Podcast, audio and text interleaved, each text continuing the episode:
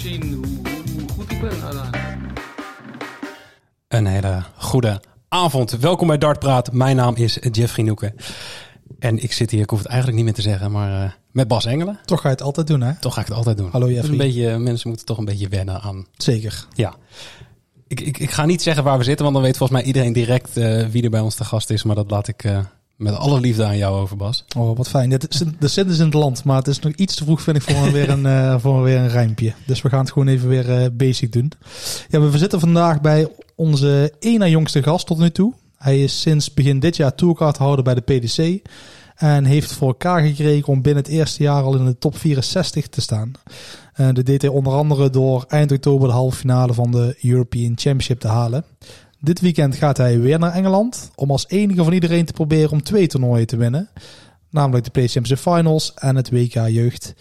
En onder andere hierover gaan we hem met hem van het lijf vragen. Heel leuk dat we hier in Poederooi te gast mogen zijn bij Gian van Veen.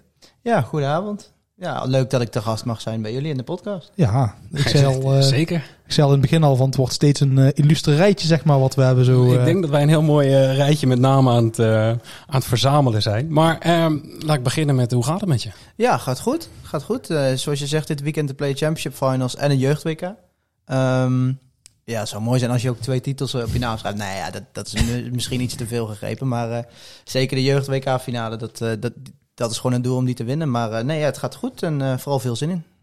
Heel goed. En, en, wanneer ben jij, ben jij teruggekomen van afgelopen week, zeg maar? Um, even kijken. Ik uh, verloor maandagavond van Price. Toen had ik dinsdag nog wat mediaverplichtingen bij de PDC. En ben ik daarna doorgegaan naar Wales, naar Cardiff voor Red Dragon. Ben ik daar nog even bij, bij ja, fabriek eigenlijk geweest om wat nieuwe dingen te testen die eind deze maand uitgekomen met hun launch. En um, toen ben ik woensdagochtend vroeg ben ik naar huis gevlogen. Dus toen, uh, ja, woensdag uh, was ik weer in Nederland. En, uh, niet zo heel lang. Ik ben afgelopen weekend nog een paar dagen weg geweest ook. Dus, oh, gewoon even een vakantietje. Ja, gewoon even een weekendje weg met mijn vriendin samen. Dus nee, zijn we even. ik ben eigenlijk vannacht thuis gekomen. Dus. nee, ja, weet je, het, ik had een keer een weekend vrij. Natuurlijk omdat ik Grand Slam was en ik lag er natuurlijk al uit. Dus toen dacht ik, nou, waarom ook niet? Zij was vandaag, dus op maandag was ze vrij. En, of gisteren. En uh, dus ze zei, ja, waarom ook niet? Gaan we gewoon een paar dagjes weg. Lekker. Ja, heel lekker. Ja, was ja, je, je, je, hebt ook groot gelijk. En, en, dat het nog even kan is dan ook wel lekker, toch? Zeker als er zo'n druk schema aankomt. Ja, precies. Hey, en um, ja, ik ben dan toch even benieuwd. Wij hebben uh, al twee keer uh, een Sean Sterk in de podcast gehad. Mm -hmm. En die heeft, vind ik, een heel mooi verhaal verteld over een, een klein jongetje wat ooit een keer een berichtje stuurde naar, volgens mij was het RTL 7 ja, toen. Klopt. Hoe, hoe, hoe, heb jij dat beleefd? Dat jij benaderd werd door John en... Oeh, ja. Uh, ja, inderdaad. Toen ik een klein mannetje was, toen ik uh, begon met het darten, toen uh, was er een, een, een, een darttoernooi op de voetbalclub bij ons. Mhm. Mm -hmm. En toen dacht ik, ja, laat ik gewoon een keer meedoen. Ik vond het altijd leuk. Ik keek altijd op tv. En um, nou, dat toernooi won ik. Dat waren waar andere darters die ook wat andere toernooien wisten hier in de buurt. Maar ja, ik dacht, ja, geen idee. Ik vond het leuk, maar... Mhm. Wie weet. En toen was het inderdaad uh, het WK darts. En toen dacht ik, nou, laat ik. Toen was het. Deze nog elke avond of elke middag een prijsvraag. Of kon je vragen sturen mm -hmm. via Twitter, Facebook.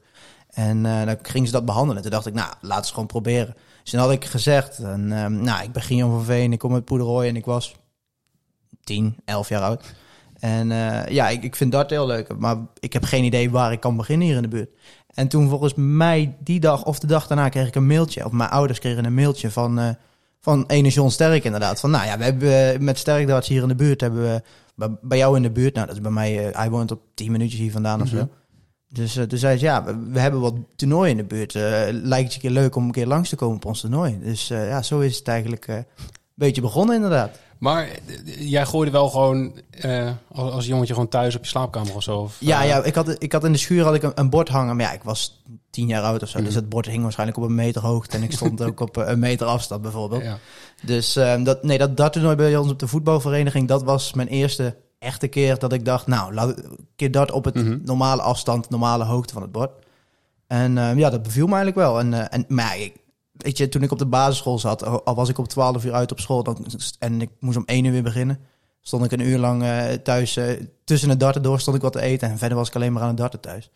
Dus, Oké, okay, ja. dat zat er wel. Maar ja. is, dat, is dat van huis uit? Uh... Nee, ja, mijn, mijn ouders keken het wel op tv. Um, Maar ja, niet echt, eh, ze deden het niet of zo. Nee, oké, dat is echt een soort van uit jezelf Ja, ontstaan. ja Dus inderdaad. Best veel mensen die het inderdaad van vaders meekrijgen. Of Nee ja. nee, ja, mijn vader vond het wel leuk om een keer thuis te doen. Maar Mhm. eh, geen That's it. competitie, geen toernooien, niks. Nee. Dan eh, snap ik dat je even RTL 7 nodig hebt eh, met vragen. Ehm, even kijken, dan gaan we altijd nog even kijken. Ja, is er nog gedart afgelopen week? Of afgelopen twee weken, want we hebben er een weekje uitgelegen. Ja, wij zelf dan. Hè? Ik bedoel, Van- Van jou gaan we dat straks nog andere dingen bespreken. Maar, Ja, ik zei in de auto hier naartoe nee, want ik heb hier alleen maar gewerkt met de Grand Slam. Maar we hebben vorige week niet opgenomen. En ja, die vrijdag hebben wij wel gedacht, ja. En ik zei naartoe al, wij moesten dachten in het stadion van Helmond Sport. ja, daar kom je ook niet vaak tegen dat je in een voetbalstadion moet dachten. Nee. Maar eh, ik was de Bob, dus ik reed en eh, het was ook donker, het regende. Nou ja, ik ben dat stadion, ik ben er twee keer onderdoor gegaan voor mijn gevoel en, en vier keer omheen voordat ik überhaupt een plek vond waar we konden dachten. En het was, er een, was blijkbaar in het supportershome, maar dat was heel erg helemaal, helemaal ja, in het midden van die parkeerplaats. Nou, het was echt zoeken. Ja, en er stonden ook mensen met kinderwagens binnen, met kleine kinderen van, van een half jaar en een jaar oud. Ik denk van ja, op een gegeven moment was het 11 uur, kregen ze allemaal een frikandelletje. Ik, ik vond echt zo'n aparte vertoning. Het was het eigenlijk ook, volgens mij ook een, ja, in een voetbalkantine was het volgens mij van een van de voetbalclubs die daar zat. Van Helmond. Ja, Oh, van Helmond. Ja, je hebt daar een heel, gewoon een kantine nog. ja, je hebt daar, eh, je hebt daar verschillende voetbalclubs, waaronder de Braak. Ja, dat zal iedereen wel zeggen, maar dat is dan de voetbalclub die dan voetbal in het stadion van Helmond sport. Mhm. Maar goed, we hebben dus gedacht en we hebben gewonnen. Dat is echt lang vooral kort. Lang verhaal kort. En jij hebt nog een mooi verhaal, want jij moest in de beker dachten tegen de nummer 1 van de Eredivisie Nee, van de KDO. nee, nee, die, die hebben even eerst gestaan. Die zijn inmiddels stonden ze derde bij de. Eredivisie. En ik ben best wel eh, pessimistisch. Mag ik zo wel noemen, toch? Jij zegt altijd dat ik positief moet zijn. Maar eh, ik, ik acht onszelf al eh, vrij kansloos. Maar eh, ging beter dan verwacht. Wij hebben eh 6-4 gewonnen en zijn door in de beker. Kijk, kijk, kijk. En je had single gewonnen.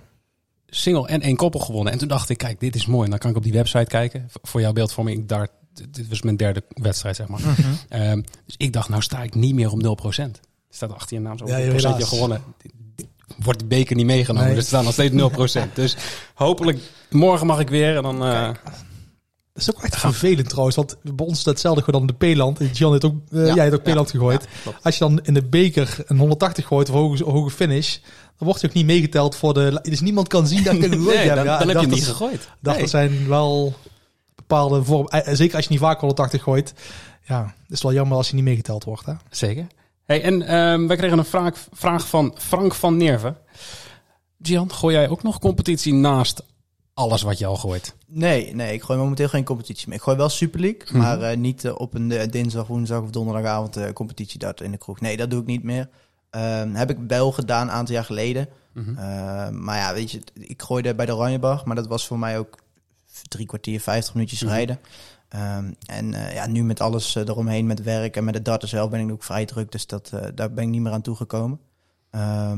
Dus nee, nee, op het moment eh, gooi ik geen competitie. nee. Is er in Poederooi een uh, dagcafé of competitie? Nee, Nee, ik dacht ja. dat we in de Tour reden. Zit hier wel een café? Nee, Oh, nee, ook niet. Nee, nee, ook niet. Oeh. Nee, er is vrij weinig te doen hier. Nee. Dus je moet wel echt even, even een stukje rijden. Ja, Ja. zeker. Dus ehm, nee, ja, dat, dat, dat is er hier niet. En ehm, eh, nee, ja, dus eh, vandaar ook. eh. maar wel een voetbalclub. Nee, ook niet. Nee, Oh, oké. nee, nee, hier in de buurt vijf minuutjes rijden. eh, Zo Ja, oké, ik op voetbalclub. Maar nee, Poederooi heeft eh, ehm, een kapper. en een basisschool. Heb ik niks aan. op. Nee, ja. Ah, dat, dan, dat dan nog eens. Nee, jij niet. Je hebt geen haar. Maar, ehm, maar hoe lang is het Daar stappen mensen als het goed is wel. Nou, dat weet ik nog niet. Hè? Maar ehm, wa- wanneer heb je voor het laatst dan eh, de eh, Super League gegooid? Want dat is dan waarschijnlijk Ehm, ook een tijdje geleden. Nee, Nee? pas eh, volgens mij. Oeh, mijn hoofd durf ik niet te zeggen. Daar ben ik dan heel slecht in. Nee, ja, ik, denk week voor de Grand Slam. Volgens mij kon ik een eh, toevallig een zaterdag eh, had ik een zaterdag vrij. Toen dacht ik, nou laat ik een keer meedoen. Ja, dat weet ik nog. Dat was de vrijdag of de zaterdag na de Grand Slam qualifier die op vrijdag was. Mhm. Want toen had ik op woensdag, donderdag Pro Tour. Toen vloog ik eh, vrijdagochtend naar huis. Ik zou eigenlijk donderdagavond vliegen. Alleen ik haalde de halve finale van de Pro Tour, dus ik miste mijn vlucht. dus toen, ja, luxe probleem. Ja, Dus dat is ook niet erg. Nee, toen vloog ik vrijdagochtend. Toen heb ik zaterdag nog Super League gegooid in Weert. Ehm, maar volgens mij hebben we nu dit seizoen vijf of zes wedstrijden gegooid. En ik heb er eh, toch eentje meegedaan.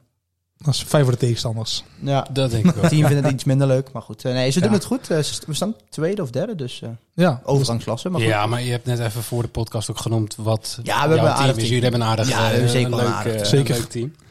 Ehm, ik ga even kijken, want we gaan door naar de stelling van inmiddels alweer twee weken geleden. Oh, ik denk, ik denk je doet een Wilfred Geneetje. Je gaat hier gewoon... eh, terwijl je gepraat wordt op je telefoon kijken. Maar je gaat even de...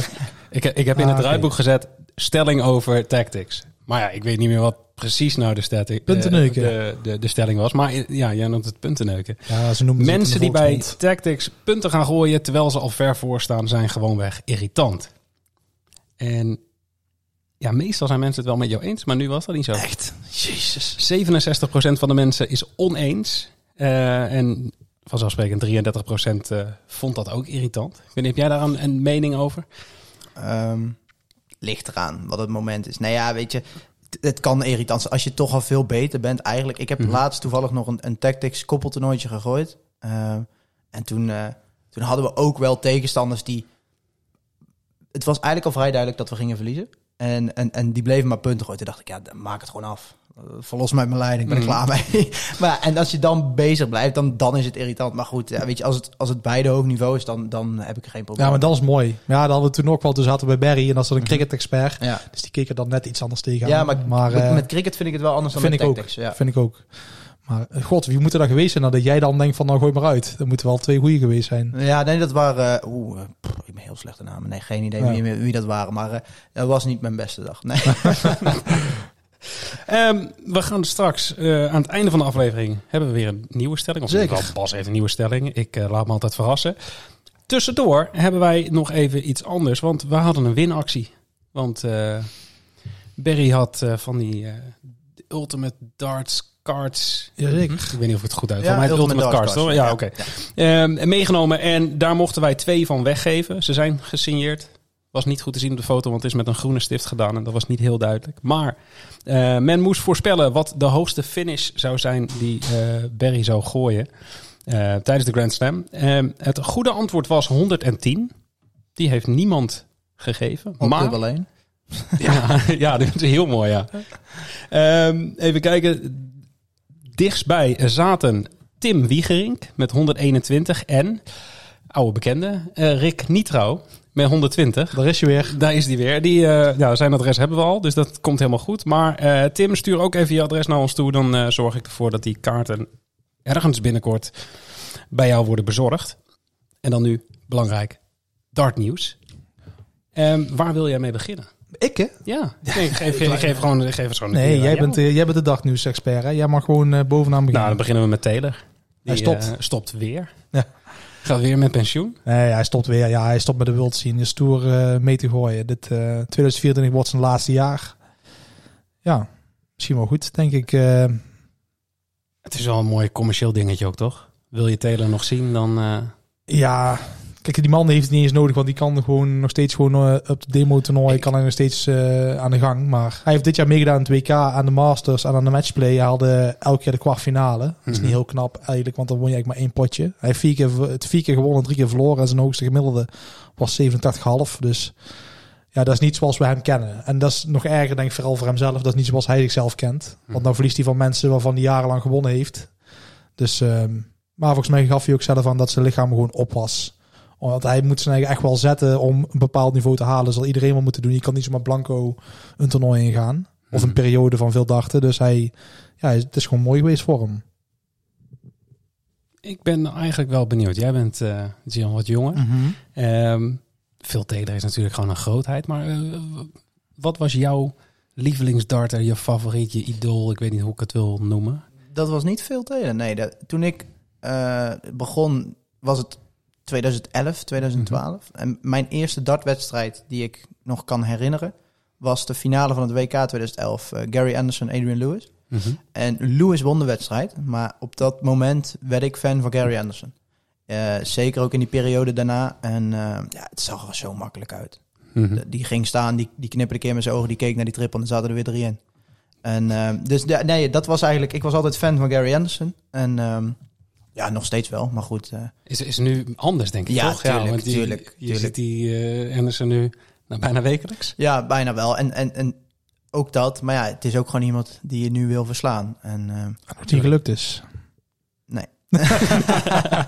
nee, nee, inderdaad. Ik, ik zat één keertje volgens mij dichtbij, maar eh, Ja, toen gooide hij boven de 100. ja, ik, ja, inderdaad. Maar eh, nou ja, dat, dat, dat vond ik een fantastische. Dat, dat is het zeker nu. Nu weer in bloedvorm is het eh, een hele goede darter. Dus, Echt weer, echt weer in topvorm nu. Ja. Maar goed, wij kunnen hier eh, de hand schudden, want ik ben, eh, zoals we hier al vaker hebben verkondigd, ook inderdaad een fan van, eh, van Gary Anderson. Ik heb Oh, ik heb ook je 100 gemiddeld gegooid. Nee, nee, nee. Die heb ik zeker ook bijna verslagen.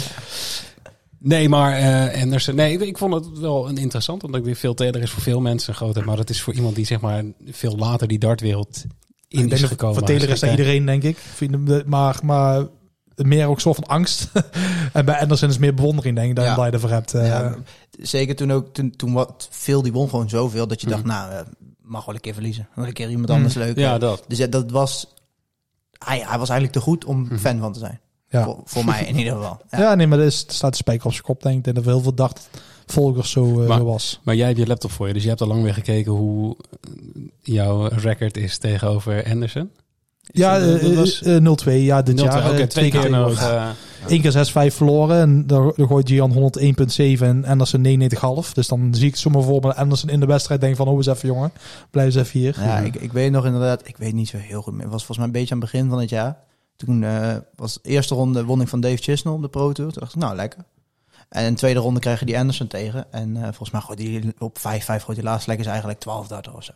Dus ja, dat was ook wel meteen. Volgens mij was dat Pro Tour 4 of 5. Toen dacht ik, Vijf, nou, maar dat was pas dus je Ja. vijfde keer. En voor duidelijkheid, want mensen denken van... Oh ja, hij heeft net van Anderson verloren. Maar jongen van 21, mhm. toen net... Even kijken, toen nog 20 volgens mij. Ja. Eh, eerste twee Pro Tours ging je twee keer eerste ronde zitten. Ja. Eh, derde keer was je redelijk goed. Vierde keer ging je weer eerste ronde. Dit was de vijfde. Dus ja, en dan ga je tegen Gary Anderson, diegene die, waarvan je al heel lang denkt van... Ja, Dus ja, dat je dan überhaupt zo'n wedstrijd du- durft te spelen. Eh, misschien heeft je misschien wel een beetje geholpen dit jaar om eh, ja, misschien stappen te zetten. ja, misschien ook wel inderdaad. En zeker ook tegen zulke mannen, maar ook tegen de anderen zoals een Wright en Smith. Weet je, als je daar gewoon op de vloer zonder camera's erbij, als je daar tegen mag gooien en gewoon ervaring op kan doen, ook gewoon tegen zulke mannen te gooien waar je normaal altijd op tv tegenop keek. Dat eh, heeft me zeker geholpen, ja. Ja. ja, dat snap ik wel. Ja, ook gewoon om bij hun te zijn in hun aura. Even Mensen, ja, dat klinkt Mhm. misschien overdreven, maar ik weet dat ik eh, heel lang geleden een keer op een toernooi was eh, van de Heemco toen nog. En er werd veel Taylor ook voor uitgenodigd. Mhm. Het was een koppeltoernooi, gooide ik samen met Ruud. En toen haalden Mhm. we de kwartfinale. Schakelde Scott Mitchell uit met zijn koppelpartner in de laatste 16. En we in de kwartfinale en toen werd bekend dat de baan naast ons ging veel Taylor gooien. En toen allemaal mensen achter ons gaan staan en wij stonden in te gooien voor onze eigen kwartfinale. Maar we waren alleen maar bezig met wanneer komt die Taylor nou. Op een gegeven moment Mhm. zie je gewoon vier boomstammen de zaal binnenkomen. En daartussen liep Taylor. Zag een kruintje zag je alleen maar. Maar ondanks dat ik hem niet zag, voelde ik wel dat daar veel Taylor aan kwam. Ja, en dan dus om na te geven dat dat bij één persoon is, laat staan als je op zijn pro tour bent waar er zo twintig van rondlopen waarvan je denkt van, poh, dat is wel een eh, flinke meneer, om zo Mhm. maar te zeggen. Dus ehm, En, en eh, Van Gerwen, want dat is ook wel een beetje, die, die was natuurlijk ook vlak daarna dat Tuurlijk. zijn dominantie begon. Ja, ja, dat is zeker ook wel iemand waar je naar opkijkt. Ehm, ja, daar was ik ook wel fan van. Maar ja, omdat Anderson daarvoor eigenlijk was, wat, Mhm. had hij bij mij Je eigenlijk had al gekozen. Ja, Ja. inderdaad. Eh, maar wat Michael heeft gedaan, dat is natuurlijk ook eh, bewonderingswaardig. Zeker als Nederlander zijnde die Mhm. toen ook echt begon met het darten, zeg maar. Dat, eh, dat, dat is wel iets waar je ook zeker tegenop keek. ja. En over Aura gesproken, dat is zeker wel iemand die ook op de Pro Tour rondloopt. Ook al heeft hij dit jaar niet geweldig gedaan op de Pro Tour. Dat is wel iemand die daar gewoon binnenloopt. En dat je denkt, ja, die heeft ook al zijn zich heen hangen, zeker. ja. En, Dus en, iets raars is dat, waar je niet echt de vinger op... En de grap is dan, dit, dit is alleen voor mensen die dachten echt volgen. Dus zitten mensen die niks meer dachten hebben, die denken van, waar- komt daar nou weer aan? Maar als je helemaal erin zit, zoals Mhm. dan wij daar zitten, dan, als ik het zo even mag zeggen, dan voel je dat gewoon. Dat is heel gek.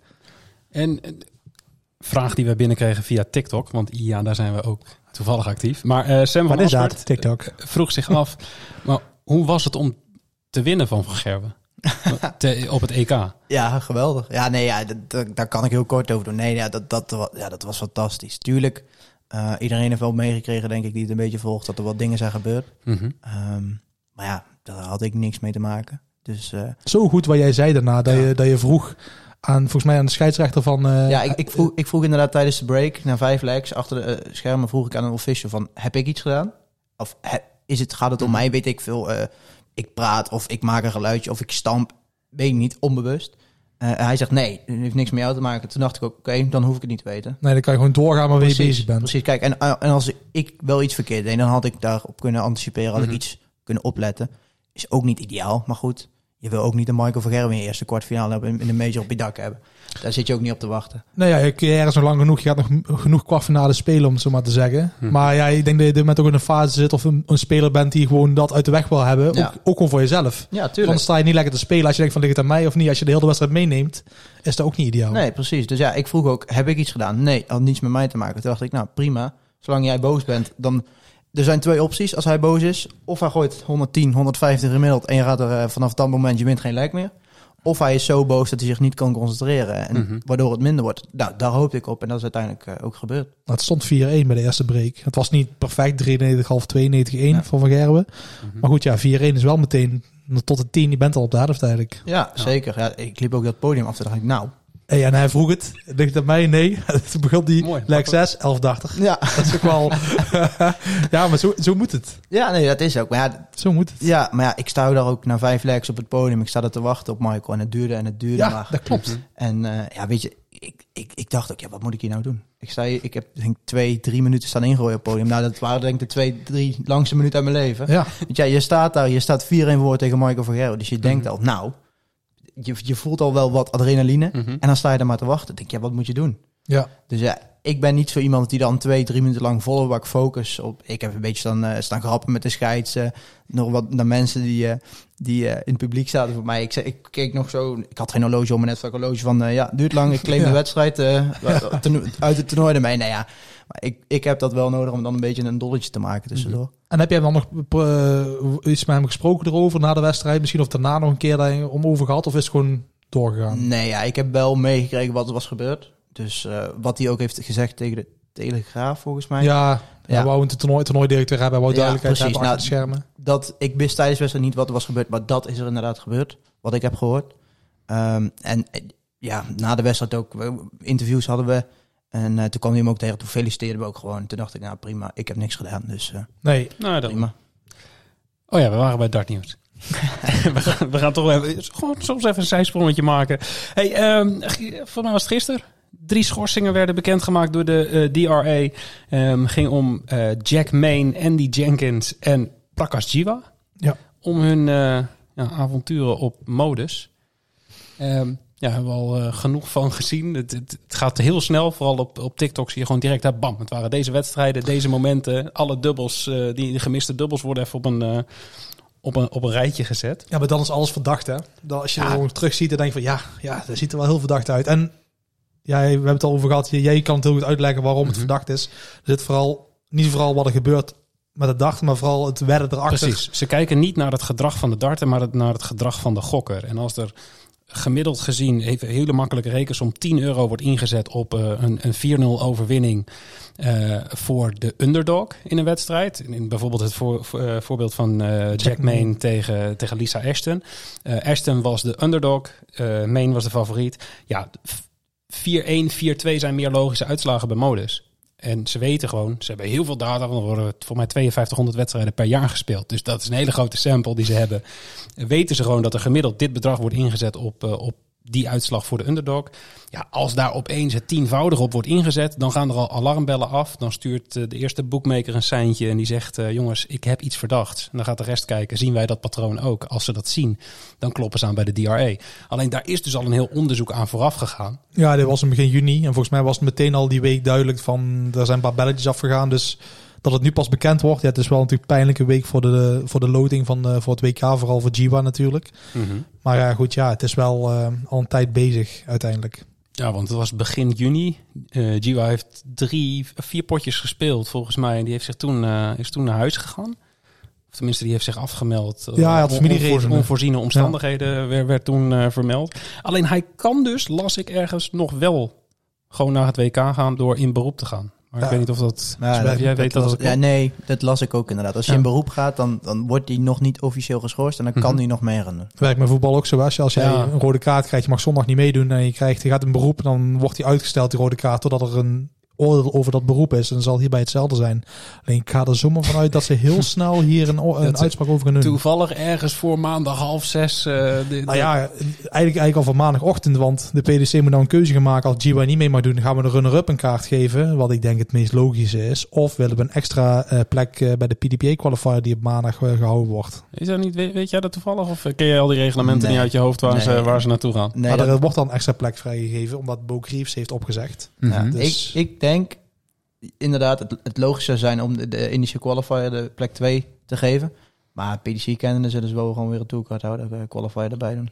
Ja, ja ik, Daar eh, zijn ze nogal fan van. ja, en het is ergens het logisch in de zin van, dat is het meest makkelijke. Ja, en je qua niveau zal het misschien ook wel beter zijn. Maar Ja. goed, Maar ehm, ja, goed, laten we afwachten. We gaan, eh, we gaan afwachten. Even zien. World Series gaan ook weer naar Polen toe. De Polen Darts Masters. Ja, ik weet niet of we daar verder nog iets over moeten zeggen, maar... eh, Ja, dat was een masterclass van Van Gerwen. Dit, dit wordt dan de tweede editie in 2024. Hij was in Warschau de eerste keer. En ik heb even gekeken en hij ligt nou in Klibisch. Ik ga je niet vragen om het nog een keer te zeggen, maar... Klibisch, ja. En het is eigenlijk heel slim van de PDC, want het ligt in Zuid-Polen en het ligt tegen de grens van Tsjechië aan. Dus ik denk Oh. dat er over nagedacht is door de PDC van, nou ja goed, die regio Tsjechië doet sowieso goed. Ik denk dat er zomaar heel veel Tsjechen daar in de zaal Oh, ik kunnen gaan zitten. Echt, je gaat nu zeggen tegen de Duitse grens. eh, Ja, denk, want die Duitsers hebben nog niet Ja, genoeg toernooien kap de gehad. Eurotour. Ja. Ehm, en even kijken, de blessure van Dirk van Duivenbode. Herstel kan twee jaar duren. Ik moet zeggen, ik heb wel iets ergens voorbij zien komen, maar ik zat op Malta. Ik heb niet alles helemaal meegekregen. Ik had iets te druk met... eh, Ja, Dirk heeft veel zon. persmomenten gehad en ehm daar is ook veel naar gevraagd, denk ik. Wat heel duidelijk is Mhm. dat hij niet zijn eigen niveau kan halen. En hij heeft aangegeven dat hij, ja, hij speelde met een holster en daardoor ging het wel iets beter. Analisten en in de studio zei ook van heel duidelijk van je kan zien dat hij nou heel anders staat dan dat hij normaal staat. Dus ehm, het is niet zoals het moet zijn. Maar hij gaf zelf bij een van die interviews aan dat het eh, ja, tot maximaal twee, of maximaal, het kan gewoon twee jaar duren of dat hij helemaal hersteld is. Ja, dat is natuurlijk wel een, eh, een, een, een grote ramp voor hem als dat echt zo zou zijn. De timing is natuurlijk slecht. Je hebt liever heb je de begin eh, mei, maar eh, Mhm. ja, het is even afwachten. Het ging wel beter dan op, de, dan op het EK, zei hij zelf. Ja, ik ben heel benieuwd wat we van hem mogen verwachten in de, in de, in de komende nou ja, weken. Je wil eigenlijk al niet eens meer naar het WK kijken. Ik ben. Nou ja, ik denk dat wat hij meena, want die, die speelt hij de eerste ronde tegen. Ja, die zal nou zo goed. Je kan eigenlijk alleen maar winnen nou op dit moment van Dirk. Maar ja, goed, ja. Wil je, ja, kan Dirk ook zomaar gevaarlijk uit de hoek komen. Ik, ik weet niet waar je liever tegen speelt. Tegen iemand die volle kracht is. Waar je denkt van, oké, nou moet ik aan de bak. Of dat je juist iemand hebt van, ik kan niet inschatten wat er nou tegen mij op het podium komt. Nee, Ja. ja, ik, denk, ik denk het laatste inderdaad dat dat het gevaarlijkst is. Ja. Zeker omdat je Dirk natuurlijk op het EK en op de Grand Slam, zoals een Jermaine zijn, hebt zien spelen. Nou ja, met alle respect, dat was natuurlijk niet goed. Ehm, en, en, en Jermaine, die weet dus ook, als ik gewoon mijn normale niveau haal. Zeker de laatste tijd vind ik Jermaine op de proto gewoon goed gedaan hebben. Ja. Goede, goede gemiddeldes hebben laten zien. En als hij dat gewoon doet en, en Dirk heeft ten opzichte van, eh, van de Grand Slam het EK nog niet veel voorbe- voor, vooruitgang geboekt met zijn schouder. Dan geef ik Jermaine een goede kans. Maar ja, zoals je zegt, je weet het niet. Hij pakt toch Lennon hè, in de, op de Grand Slam. Gewoon de goed Mhm. finishen. Ja. Heel scherp te zijn. Ja, gewoon precies. twee legs afwezig, prima. Dan focus me op deze. Ja, als Jermaine zelf niet boven de 85 gemiddeld gaat komen, dan gaat hij gewoon lastig aan Dirk hebben als hij eh, weer hetzelfde gaat laten zien. Ja, maar ja, het is wel altijd gevaarlijk als je niet weet. Kijk, je kan hem van tevoren ook onderschatten. En Ja. zeggen, ja, nou, de, de, die, die gaat niet boven de 85. En stel, hij begint dan een keer met een 11 of een 12. Dat je denkt, ja, heb ik ik weer. Ja, precies. weer. En dan, Ja. eh, dan wordt het nog een hele, hele lastige. Ja, de ene doet maar voor de helft mee en doet er een helemaal niet mee. Hè? Heel goed. Wat ben jij nou van de bruggetjes, jongen? Ik hoor je goed Eh, in. Danny Noppert, die eh, meldt zich af. Ja. Ja, en dan, dan kun je toch eigenlijk wel... Dan, dan moet ze op knappen staan, toch? Ja, nou ja, beter nou als met WK, denk ik. Ja, nee, ja zo simpel Ja, maar dat was sowieso al geen... Ze was begin, eh, begin december eh, uitgerekend. Oké, Ehm, want dat was toen nog een ding. Dat ze ergens volgens mij in juni gingen er allemaal verhalen rond van... Oh, Noppert gaat misschien niet meedoen, want... En toen heeft hij zelf gezegd van... Nee, maar ze is gewoon begin december uitgerekend. Dus ik kan gewoon twee weken daarna gewoon, eh, gewoon gooien. ja, dit is voor iedereen anders. Maar ik kan me niet voorstellen dat je een dagtoernooi boven je geboorte van je kind laat gaan. Er zijn mensen bij Dat die daar helemaal anders over denken. Dat Ook ja, ook, ook, ook, ja, Nee, maar de, geboorte... kijk, als zij, als zij 15 december was uitgerekend, oké, dan... Ja, maar als zij 1 of 2 december is uitgerekend... Ja, dan kun je op een gegeven moment wel zeggen van... eh, laten we de kind eh, iets, iets eerder komen zijn dan heel veel aan het 15, speculeren, denk 15 december. Maar ik denk dat hij niet zomaar tijd... Nee. Dat denk ik ook niet. Dus ik denk Goed. Dat het er al zit aan te komen. Ik eh, hoor dat, wij door, dat wij door moeten naar de negen darters. eh.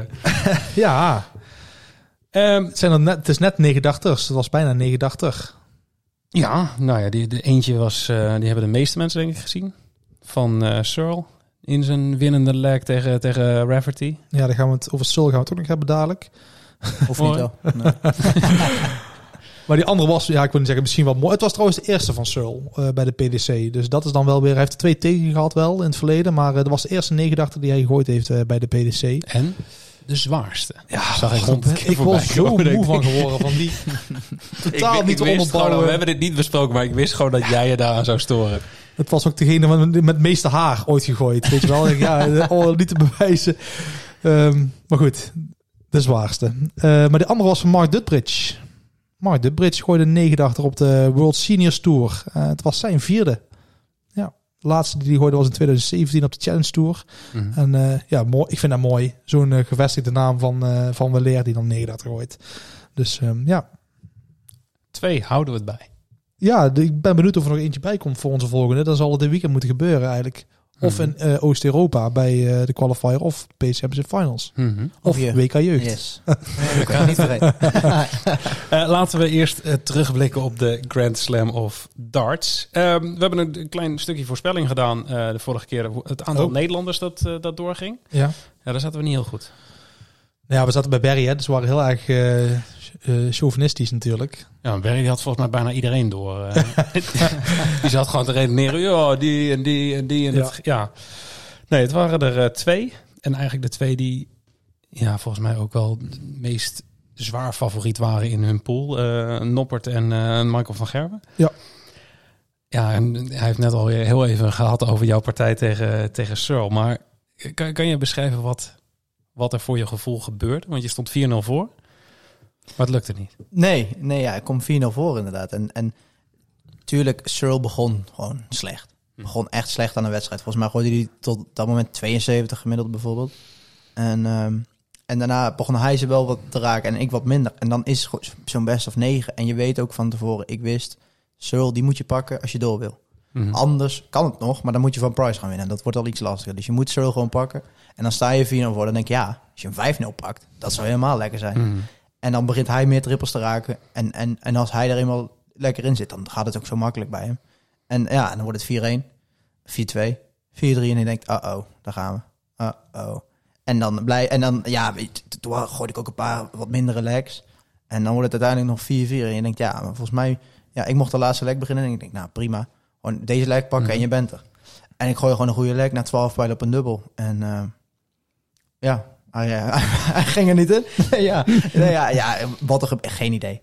Ehm, het, het voelde gewoon prima. Maar ja, hij, hij, ging er helaas niet in, die dubbel 18. En, eh, en daarvoor ook al die dubbel 10 1 pijltje en op dubbel 5. Ehm, Ja, hij Ja. stond op 120. Dan Ja. gooi je die tops. ja, inderdaad. van enkel. Ja, ik dan naar triple, dan de enkel net onder de tops en dan is er niks aan de hand. En dan gooi je tops, nou prima, dubbel 10, heb ik geen moeite mee. Volgens mij heb ik die eerder de wedstrijd ook al één of twee keer gegooid.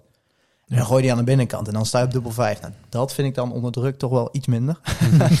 dat was misschien ook wel te zien, volgens mij zat mijn eerste pijl echt verder boven. Ja, je bust hem toen je gooide Ja. ja. kapot. Ja, ja inderdaad. En eh, Hij pakte toen zijn eerste leg. ja, precies. Maar ja, dan, dan mis je al wel ja, drie of vier matchpijlen voor 5-0 in, in zo'n belangrijke wedstrijd. En eh, ja, misschien dat het daarna nog wel twee, drie legs in mijn hoofd zat. En, eh, Ja, want daar was ik benieuwd naar hoe je het net omschrijft. Van, Ja. Je weet, je moet deze winnen. 5-0 zou heel lekker zijn. Pakt hij net die ene leg, dan weet je dat hij veel trippels gaat gooien, dat het Mhm. snel gaat. Gaat dat op het podium ook echt zo Ja. door je hoofd? Ja, Of- nou ja, zeker bij 5-0. Eh, ik, ik, op die 120 nog niet. Toen dacht ik, Mhm. weet je, gewoon uit, het handje even wegwezen. Ja. Maar ik mis. En daarna op dubbel 5, nu ben ik al daar al zeker niet zo fan van. Ook met hoe mijn pijlen in het bord zitten, is dat geen ideale dubbel voor mij. Ehm, maar ja, dan is het wel van, nou, gewoon gooien, 5-0, prima. Nou, je mist, hij gooit uit en staat het 4-1. En dan denk je, ja, nou, niks aan de hand. Eh, maar dat was ook wel volgens mij meteen weer een break. En dan wordt het 4-2. En dan zit toch al wel in je hoofd van, ja, maar je moet hem wel winnen. Want Als je verliest, dan wordt het lastig. Ja, dat was ook meteen zijn slechtste leg was leg 7. Dan gooi je die 68 gemiddeld. Ja. Dan gooi je alleen maar... eh gooi volgens mij gooi je twee trippels. Nou, eh, in je eigen leg. En toen maakte hij Mhm. 5-3. Zelf beginnen voor 5-4. Of eh 4-3, 4-4. Ja. Ja. toen mocht hij zelf beginnen. Toen gooide hij eigenlijk gewoon een hele goede leg. De laatste leg Ja. was gewoon perfect, wat hij zelf eh, zegt. Een beetje pech ook. En dit is ook eigenlijk precies dachten. Ja, zo'n klap moet je ook ooit krijgen. Maar ik vond je ook wel een paar keer, eh, zoals ik jou nog niet gezien heb, zeg maar. Zo'n, eh, bij, de, bij het EK ging je er af in halve finale. En toen was eigenlijk voor iedereen duidelijk, eh, de koek was een beetje op. Ja. Eh, dat dat was eigenlijk ook te zien. Maar nou was je ook een beetje ja, iets negatiever, iets cynischer, zeg maar. Iets, iets geïrriteerder, laat ik ja. zo zeggen. Ja, klopt. Ik, ik had ook niet de ideale voorbereiding. Ik heb dit ook nergens gezegd of iets, maar wil ik hier best vertellen. Ik heb die week, ehm, even kijken, we begonnen op zaterdag. Ik heb dinsdag tot en met ja, eigenlijk vrijdagmiddag ziek op bed gelegen. Gewoon geen pijl aangeraakt. Ehm, ik, mijn bedoeling was gewoon echt eh, volle bak trainen natuurlijk. Goede voorbereiding voor de Grand Slam. En ik heb dit ook expres niet gezegd, want ik wil geen smoesjes. Daar ben ik helemaal niet van. Maar inderdaad, misschien dat het wel mee te maken had. Ik ben toen, volgens mij was dat woensdagavond. Ik lag hier thuis ziek op de bank en ik dacht, nou woensdag, ja, ik, ik moet toch wel gaan trainen. En ik ging aan het bord staan en ik heb drie pijlen gegooid. En ik stond zo te bibberen van de kou. Dat ik dacht, nou, laat, laat maar zitten. Mhm. Dat heeft ook geen zin. Dus toen heb ik vrijdag voelde ik me wel wat beter. Dan heb ik vrijdag eh, begin van de middag nog wel wat gegooid. En toen ben ik daarna eigenlijk meteen door naar Schiphol gegaan. En toen zaterdag voelde ik me eigenlijk prima. Dus tijdens West had ik er ook geen last van. Eh, maar ja, ik merkte wel ook zeker met dubbels onder druk dat je die voorbereiding miste. Mhm. Ehm, maar het is zeker geen excuus. Maar misschien dat dat wel Nou ja, mee het, is, het is wel een excuus. Ja, het is wel. Ja, het is ook niet erg om te zeggen. Ja, ziek is ziek, toch? Ja. Ja, maar ja, weet je, dan ben ik, vind als je dat gebruikt, ja, gebruikt als excuus moet je ook niet zeggen, maar dan moet je het van tevoren aangeven. Heb ik niet gedaan, heb ik spe- ook specifiek voor gekozen. Ja. Eh, omdat ik dacht, ja, weet je, je kan er ook staan, ja, heel de week ziek gevoeld en je gooit drie wedstrijden 100 plus gemiddeld. Dan Nou, ik snap ook wel dat je het nou zegt. Ik bedoel, het is ook eigenlijk niet relevant om dat na de Nee. wedstrijd te zeggen. Want Nee. al die dachten die er staan, die hebben allemaal een voorbereiding gehad. En de helft heeft misschien iets anders gehad. Of iets vervelends gehad. Of noem maar iets op. Dus Mhm. ja, je kan van niemand inschatten hoe de voorbereiding was. Nee, Ehm, precies. En, en, en ja, misschien dat het een kleine rol heeft gespeeld, maar ja, dit, dit- dat is niet waarom ik die wedstrijd verlies, denk ik. En dan krijg je daarna Rafferty. En dan eh, die gooit ook zijn beste wedstrijd van. Ja, Ja, dat. Ja, zul je dan ook nog zien. Ja, weet je, zeker na de eerste wedstrijd wist ik, het wordt lastig. Je moet ze nu allebei pakken, maar ja, Rafferty, die, eh, die had er ook zin in, inderdaad. Ja, maar daar vond, vond ik er wel wat positiever, zeg maar. In de Ja. zin van niet zo van, eh, oh, heb ik weer, weet je wel. Want dan kunnen Nee. sommige dachten ook noemen. Mhm. Ik noem geen namen verder, die daar zo wel heel duidelijk kunnen laten zien. Maar, Nee, maar toen bleef je wel positief. Het heb je ook gewoon een goede wedstrijd gegooid. Alleen ja, hij pakt, hij gooide 103 gemiddeld, eh Rafferty. Dus dat was gewoon, eh, gewoon goed. Moet je gewoon een hand geven. Dat heb je ook gedaan. Ja, zeker. zeker. Gewoon boos weglopen. Ja, nou ja, goed. En dan krijgt die Price overheen die dan helemaal... eh, Ja, Gekke dat, dingen dat, deed. was, eh, dat was niet leuk. Nee, ja, ja die was eh, heel goed inderdaad. Mhm. En we hebben nog wat andere partijen opgeschreven waar wat opvallende momenten waren. Ehm, allereerst eh, ja, Pikachu tegen, tegen Greaves. ja. Ja, wat, wat vond jij daarvan? Ja, we hebben hem twee keer opgeschreven namelijk. Het was eerst die wedstrijd inderdaad dat hij dan heel erg met publiek bezig ging houden. Ja, dan- je hoort altijd ook eh, in het commentaar zeggen van ja, dan verlies je altijd als je dat gaat doen. En want zeker als je in het publiek zit van je wil juist reactie krijgen. Het beste wat je kan doen is niet reageren op het podium. Tuurlijk, op het moment dat je het wel doet. Je allemaal nat. nuchter in dat publiek? Ik vond het vooral knap van Greaves dat zij stoïcijns doorging. Want zij heeft het ook gemerkt. Zij heeft het ook gezien. Heeft- en die gaat gewoon heel, heel knap door. Dus dat vond ik vooral knap dat zij Mhm. op niveau bleef gooien. Maar we hebben het volgens mij al een keer vaker benoemd bij, eh, bij hem, bij Ricardo Pikachu. Dat hij, eh, ja, dat hij zo reageert op het publiek dat het niet echt nodig is als het buiten Duitsland is.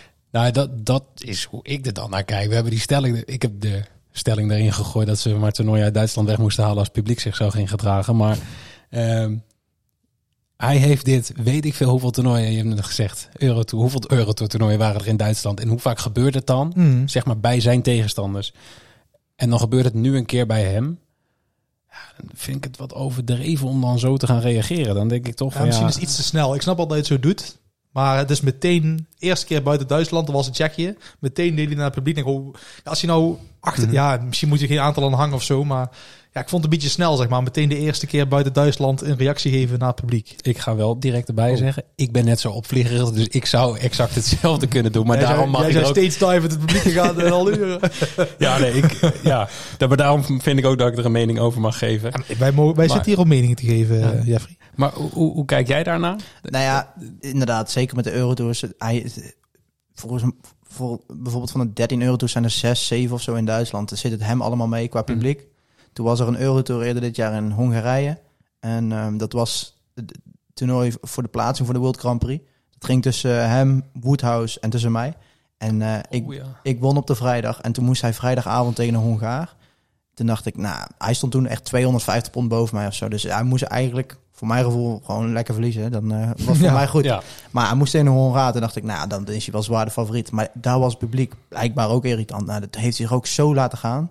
Mhm. Zo de, ook met de handen achter het oor. En, en Ja. toen verloor hij inderdaad. En, eh, en toen was hij ook meteen binnen twee seconden van het podium afgestormd. En, eh, en nu gebeurt het gewoon weer. Dan denk ik, ja, dan, dan, dan gaat het toch ergens mis. Je, je leert er ook niet van. En wat mensen gaan er ook denken van, als je op het podium komt, dan gaat het weer proberen. Ja, je precies. kan toch ook verwachten dat maakt niet uit welke toernooien hij de komende weken gaat, gaat spelen. Wie zijn tegenstander ook gaat zijn. Als, zeker als het later op de avond is, dan weet je gewoon dat het publiek het toch even gaat proberen. Dat is, ja, ik zou Maar- het bijna zelf kunnen en- doen, ook al ben ik er geen fan van. Maar Maakt niet uit wat zijn tegenstander is, maar je weet toch, iemand moet toch ook tegen hem zeggen van, joh, je moet zo meteen tegen, tegen een dame, niet zomaar een dame, je moet tegen Greaves. Geloof mij, het publiek gaat tegen jou zijn. Bereid hem alsjeblieft even voor, maar zal iedereen, was gebeurd te- zijn? iedereen, iedereen, zou tegen, iedereen zou tegen de tegenstander van Grief zijn geweest, laat ik het zo zeggen. Precies, dat was toch prachtig geweest als, als Greaves daar uit die pool eh, eh, door was gegaan. Had zomaar kunnen. Ja, zeker. Maar we hadden hem nog een keer in een bijzondere wedstrijd. Dat was dan ehm, eh, de wedstrijd tegen Espinol. ja, daar moet je mij over bijpraten. Want Nou ja, je hebt moet dus- Je hebt dus twee komen. partijen gehad waar het, eh, eigenlijk vier partijen waar het nergens over ging. Maar twee partijen waar die, die nergens over gingen was Espinol tegen Pietreczko. Want eh, de een was door, de ander lag eruit. En de andere partij was Barry van Peer tegen Josh Rock. Beide heren hebben op hun eigen manier die partij invulling gegeven. En Barry ging daar iets losser in. En Pietreczko was heel erg ja, zakelijk, zullen we maar noemen. Mhm. Die was vanaf de opkomst van de, van de walk-on van Pietreczko tot aan dat hij de laatste dubbel gegooid had, was hij strak, snel, vlug aan het gooien, tempo maken, geen lolletje, helemaal niks. Die is, nou, ik heb ook naar mijn verbazing naar zitten kijken hoe hij die wedstrijd ingevuld heeft. En uiteindelijk was het niet eens heel snel, maar hij, is, Mhm. hij gooit heel bedacht. Hij, hij, hij mikt echt, dat is een mikker. Mhm. Hij was nou aan het smijten. En daar kwam niet te, scores kwamen te goede, maar zijn uitgooi niet. Dus Epsilon was nog dichtbij hem om die wedstrijd te pakken van hem. Maar ja, zo gek om dan je eigen zo te gedragen. Hij heeft twee van de drie wedstrijden heeft hij zijn eigen ja, een beetje vervelend gedragen, Pietreczko. Doet zijn naam geen goed, denk ik. Ik eh, ben benieuwd. We gaan het, eh, we gaan het zien. Ehm, even zien. Ja, Berry van Peer laat je net al even vallen. Moeten we daar nog... eh, Ja, hij, hij ik zei in de auto hier naartoe al, ja, Barry heeft gewoon een bepaalde vorm van humor, denk ik, die niet, niet iedereen snapt. Eh, hij heeft daarna ook heel duidelijk aangegeven van, ja, ik, ben een, ik heb een lolletje gemaakt op het podium. Het ging namelijk nergens meer over. Hij was Mhm. door, ik lag eruit. Ik heb er een, ja, gewoon plezier gemaakt. Ja, terwijl het kwam over voor heel veel mensen als gek. Omdat je juichte omdat je misgooide, een vuistje geven of een vuistje geven hier en daar. En Mhm. ja, niet iedereen begreep het. En achteraf heeft het uitgelegd. Ehm, ja, ik denk dat nog steeds heel veel mensen het niet begrijpen. Maar ehm, ja, die heeft er zijn eigen, eigen, eigen lolletje van gemaakt. en, en hoe heb jij daarna gekeken? Want jij kent Berry ook. Ja, ik ken Barry wel goed inderdaad. En eh, zeker ook, we hebben allebei drie wedstrijden gegooid dan. En we moesten ook elke keer vrij vlak na elkaar. Dus we hebben ook bijna elke wedstrijd eh, samen in staan gooien. Mhm. En ehm, ja, hoe kijk ik? Nou, ik zelf zou het niet zo gedaan hebben. Maar Mhm. ja, ik denk iedereen heeft er wel een mening over. En eh, weet je, als hij dat zo wil doen en als hij daar zich goed bij voelt en hij heeft daar lol in gehad, prima. Dan moet je dat ook vooral lekker doen. Dat moet hij zelf. Maar, maar ik zou zelf dat zou ik dat zo niet doen. Nee. Ik zou wel gewoon altijd mijn best doen. En eh, ja, tuurlijk, je, je verliest nu van een Josh Rock. Maar weet je, voor hetzelfde geld speel je over eh, of WK, speel je tweede ronde ook tegen hem. En als je hem op de Grand Slam al een goede, goede, goede eh, gewoon goed van het bord afveegt, dan sta je ook al 1-0 voor op de WK. Dan heeft hij dat ook misschien nog wel in zijn hoofd. Hij speelt wel nog nergens voor, hè, want deze ranking, die rankingpunten die hij haalt, die gaan dadelijk de prullenbak in. Ehm Mhm. Gian speelt wel nog ergens om, dus als hij derde zou worden, zou dat wel zeker schelen op de, op de ranking. Niet heel veel, maar goed, het scheelt. Dus dat is nog iets wat hem dan voor hem spreekt. Maar het- ja, het was apart om te zien, eh, in ieder geval. En ik ben het met Gian eens. Ja, ik heb ooit Taylor horen zeggen van dat hij ooit op een demo-toernooitje tegen een jongen moest gooien van 14 of 15. En die smeet Ja. gewoon een 3 van het bord af. 150, het liefst maar 150 gemiddeld. Dus ik kan het wel één lekker laten winnen. Ze nee, want over 10 jaar is die jongen 24 en dan zal die weten, oh, die Taylor, daar heb ik ooit dik van verloren. En dan wil ik hem weer pakken, zei hij. Te- Taylor was wel gewoon voorbereid op eh, Ja. jongens. Zoals een van Veen die, eh, die, die al op jonge leeftijd eh, aardig kon gooien. Ehm, ja, en Sto Buns. Ja, Veel besproken in onze afleveringen. Sinds het moment dat hij zijn pijlen, zeg maar, soort, ja, onbezonnen naar het bord eh, smeet. Maar die heeft zichzelf even laten zien. Ja, die was niet goed begonnen bij ons in de podcast. Want hij was toen zijn pijl aan het weggooien tegen David Cameron in de halve finale van een Ja. CDC-toernooi. En toen won hij dat toernooi nog uiteindelijk. Waardoor die nu uiteindelijk Ja. ook weer Hier hier, gewoon aan meedoet. Ja, Ja, maar volgens mij heeft hij wel iedereen eh, ja, zijn hart veroverd. Heeft zijn vrouw ook een paar keer aangegeven. Dus stond heel duidelijk met haar hart voor de camera. maar eh, nee, ja, die heeft een fantastisch, een fantastisch toernooi gehad. Die, heeft gewoon, die is nummer 1 in de pool geëindigd met, eh, met Wright, Chisnell en, help me even, Bunting. eh Bunting, dankjewel, Gian. Ja, dat is, dat, dat is ongelooflijk om daar eerst in te worden. En die heeft ook de eerste wedstrijd stond hij boven de 150 middel te gooien volgens mij. Eh, en hij komt tot de laatste 16. Hij had gewoon een kwartfinale. Dus ja, die man heeft een fantastisch toernooi gehad. ja zeker. Ik denk dat dit is de enige manier waarop je even een ander beeld van jezelf kan... Ik vond iemand, neerzet. iemand zei het, eh, jij- hij lijkt op Peter Wright. Ja, Peter Wright. En zei ze over hem Peter Wrong. Dus ik vond het wel, wel een goeie. Ja, het is wel een beetje zo, hè? jongens. Ja, maar hij heeft alles van weg. Alleen de mohawk niet. Maar voor de verder rest... eh, Daar komt nog, maar hij is ook fan van. ja, dat, dat, dat zou wel zijn. Als je Ja. dan zegt dat ik even... Oh, ik vind die kleren van hem zo lelijk. Ehm, even kijken. Ehm, jij hebt er nog bij gezet mensen uit de VIP verwijderd bij een partij van Van Gerwen. Ja, dat heb ik op een gegeven moment eh, opgeschreven. Ik zal eens even kijken welke wedstrijd dat was. Dat was niet tegen Gian. Dat kan niet tegen Gian geweest zijn. Dat zal dan zijn in zijn eh, Nee, laatste 16 partijen. Nee, dat was, was op de Grand Slam volgens mij. Grand Slam. Dit is, dit is iets oh, van de- sorry. van de Ja, sorry jongens. Welke wedstrijd was dat dan? Wat kan tegen kleermaker zijn Nee, geweest? aan mijn hoofd in Nee. een cross, denk ik. Eh, even kijken. Ja, klopt ja. Dat was tegen Cross. En ja, er waren mensen uit de VIP verwijderd. eh, die voor verschillende dingen aan het uitmaken waren. Komt niet heel vaak voor dat ze uit die sectie verwijderd worden. Dus dan moet het toch wel eh, heel vervelend zijn geweest. Ja, maar ja, dat zegt ook niet alles hoor. Want het- Jij hebt er ook gezeten, wil je zeggen? nou, ik, ja, nee, ik heb daar wel een paar keer gezeten, dan wel vi- via mijn werk. Maar dan zit je inderdaad ook bij de familie en vrienden van de, van de, van Ja, de maar spelers. Er was maar niemand dat is ook niet altijd, niet. zeker als er vanuit Engeland een clubje komt en dan komt een aardig clubje aan. Die jongens beginnen gewoon al, nou, nog een uur, anderhalf van tevoren beginnen ze met zuipen. Als ze dat niet smiddags al in de stad hebben gedaan. Ja. Ah, het weet was niet iemand ze van zich- Cross. Dat geloof ik niet dat het iemand van Cross was. Nee, nee, nee, maar Ja. dat, dat hoeft ook niet per se. Maar het kan inderdaad kunnen Ja, zaken, van andere zakenrelaties spelers. zijn of mensen die kaart hebben gewonnen via... De vrouw van Stobens, bijvoorbeeld. Bijvoorbeeld. Ehm, even kijken. En dan even nog positieve dingetjes. Die eh, kwartfinales. eh, Rock, Wade en Humphries Anderson. Dat was één sessie. Maar die, eh, dat, was een, dat was een mooi stukje, een stukje darten, die twee partijen. Maar... Want volgens mij, jij weet het uit je hoofd. Hoeveel eh, 100 plus finishes in die twee partijen samen? Van eh, die twee kwartfinales. Ja. Ja, ik vraag hem altijd allemaal dingen waar hij niet op voorbereid is. 12. Het was ik, niet normaal. Het is een- even nog iets wat ik heb gezien voordat ik eh, alleen maar aan het werken en aan het zuipen ben geweest. op Malta. Ja, het waren twee hele mooie kwartfinales. Het komt niet vaak voor dat het tot 16, 15 gaat. Dus Mhm. bij W tegen Rock was dat mooi. Ik denk dat Rock er nog wel ziek van is. Dus Ja. ja, ja het is jammer dat je hem al gehad hebt in de halve finale voor de WK Jeugd in plaats van in de finale. Want die heeft, ja, dit, is een tikje geweest. Die was er tegen Weet. Ik denk dat hij op voorhand de dag van, oh, van iedereen is het weet, lekker om Weet eh, te loten. Ehm, maar ja, het was echt een eh, epische, epische kwartfinale, ja. In, ho- in hoeverre volg jij dat nog? Zit jij echt nog gewoon elke avond voor de tv dan als je, als je uit zo'n toernooi ligt? Of Nee, ja, het is niet dat ik echt voor de tv thuis blijf, zeg maar, om dat te kijken. Als ik Mhm. een avondje thuis ben en ik denk, nou, er is niks op, dan kijk ik zeker wat darten. Ehm, maar eh ja, vertel er al heb ik iets anders. Dat, ik check altijd wel de uitslagen, bijvoorbeeld. ja, precies. Eh, maar je zegt er, er is niks op. Wat, wat zou voor daar te gaan? Ja, weer, nou, dan moet ik eerlijk zeggen, eigenlijk niet zo... een avondje Champions League of zo, dat zou ik wel eerder kijken. Mhm. Of, eh, nou, vanavond Nederlands elftal. Ja. Ehm alhoewel, dat zal er ook niet veel aan zijn. maar goed, nee, eh, nee, dat zou ik dan... Maar, maar verder eigenlijk, zeker ook mijn ouders, die kijken ook eigenlijk altijd wel darten. Dus Mhm. eh, als ik thuis ben, dan, eh, dan staat bijna altijd wel dart op tv. Ja, precies. Hey, en ja, Humphries is denk ik nu gewoon de grote favoriet ook voor het WK. Hij vindt zelf van niet. Of tenminste, hij probeert die rol nog een beetje weg te schuiven. Maar eh, Ja, ja, ik vind dat lastig, dit soort dingen. Wie is de favoriet? Als Van Gerwen komt opdagen, is Van Gerwen favoriet. ja, maar ja, daar Denk echt, we, nu ook Denk een echt. tijdje op, toch? Ja, nee, dat klopt. Nee, nee. Maar hij heeft nou een dip gehad en er komt altijd een piek na. Dus ehm, ja, wa- wacht maar eens af. Ik, eh, Degene die de Play Champions Finals wint, doet het vaak ook goed op, de, op het WK.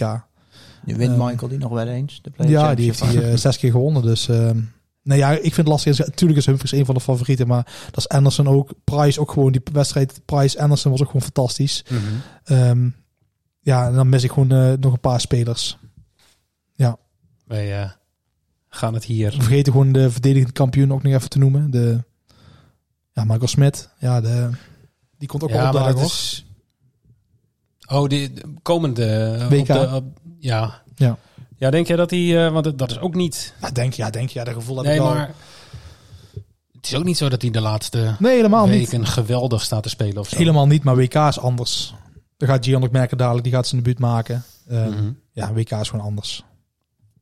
Hey, en dan eh, een stukje Order of Merit na de Grand Slam. Want er zijn wat verschuivingen geweest. Ja, laten we de belangrijkste even eruit pakken dan. Oké, nou vertel. Ja, Gian eh, drie plekken gestegen. Kijk, kijk, kijk. In de top 50. Geen wedstrijd winnen en toch drie plekken stijgen. Ja, bijzonder. Vincent van der Voort ook gedaan trouwens. Ook drie plekken gestegen. Dus ehm, nee, er is niet heel veel verschoven. Ja, Damon Hitta is voor het eerst in zijn leven de top 10 eh, ingeschoten. En eh, James Wade is weer terug erin in de top 16 volgens mij. Of had hij dat met de EK al gedaan? Hij had met de EK volgens, Volgens mij met EK al. Ja. Ehm, jouw eerste jaar als tourkaarthouder. Jij eh, knalt even de top 50 in. Wat we nu al net even heel losjes benoemen. Ehm, eh, heb je, stel je voor jezelf doelen op de ranglijst van... nou, daar zou ik wel willen staan over een jaar bijvoorbeeld? Mm, nee, niet echt. Ik, de ranglijst vind ik, ehm, ben ik niet zo heel erg mee Mhm. bezig. Het gaat me meer om de resultaten op de, op de toernooien. Tuurlijk, eh, al, al doe je het op een beetje goed, dat helpt heel erg voor de ranking. Eh, maar ja, er zit ook weer verschil in of eh, op welke major het weer goed doet qua prijzengeld. Ehm, maar ja, dit, ja, weet je, begin dit jaar was mijn doel gewoon Player Championship Finals halen en het WK halen. Nou, daar heb ik al eh, iets overtroffen. Zo. Ja. Ja. ja, maar dat had ik van tevoren ook niet verwacht. En ehm, natuurlijk, als je het doel gaat halen, is gewoon je doel na twee jaar top 64. Nou, dan sta je na, na één jaar al top 50. Ehm, en we gaan richting de top 40 met de WK er ook nog bij. En dan, eh, ja, weet je, na, na twee jaar willen het doel is gewoon top 32 dan meteen maar in. En eh, ja, wie weet nog verder, 24, 20. En stoute droom top 16, ja, wie weet.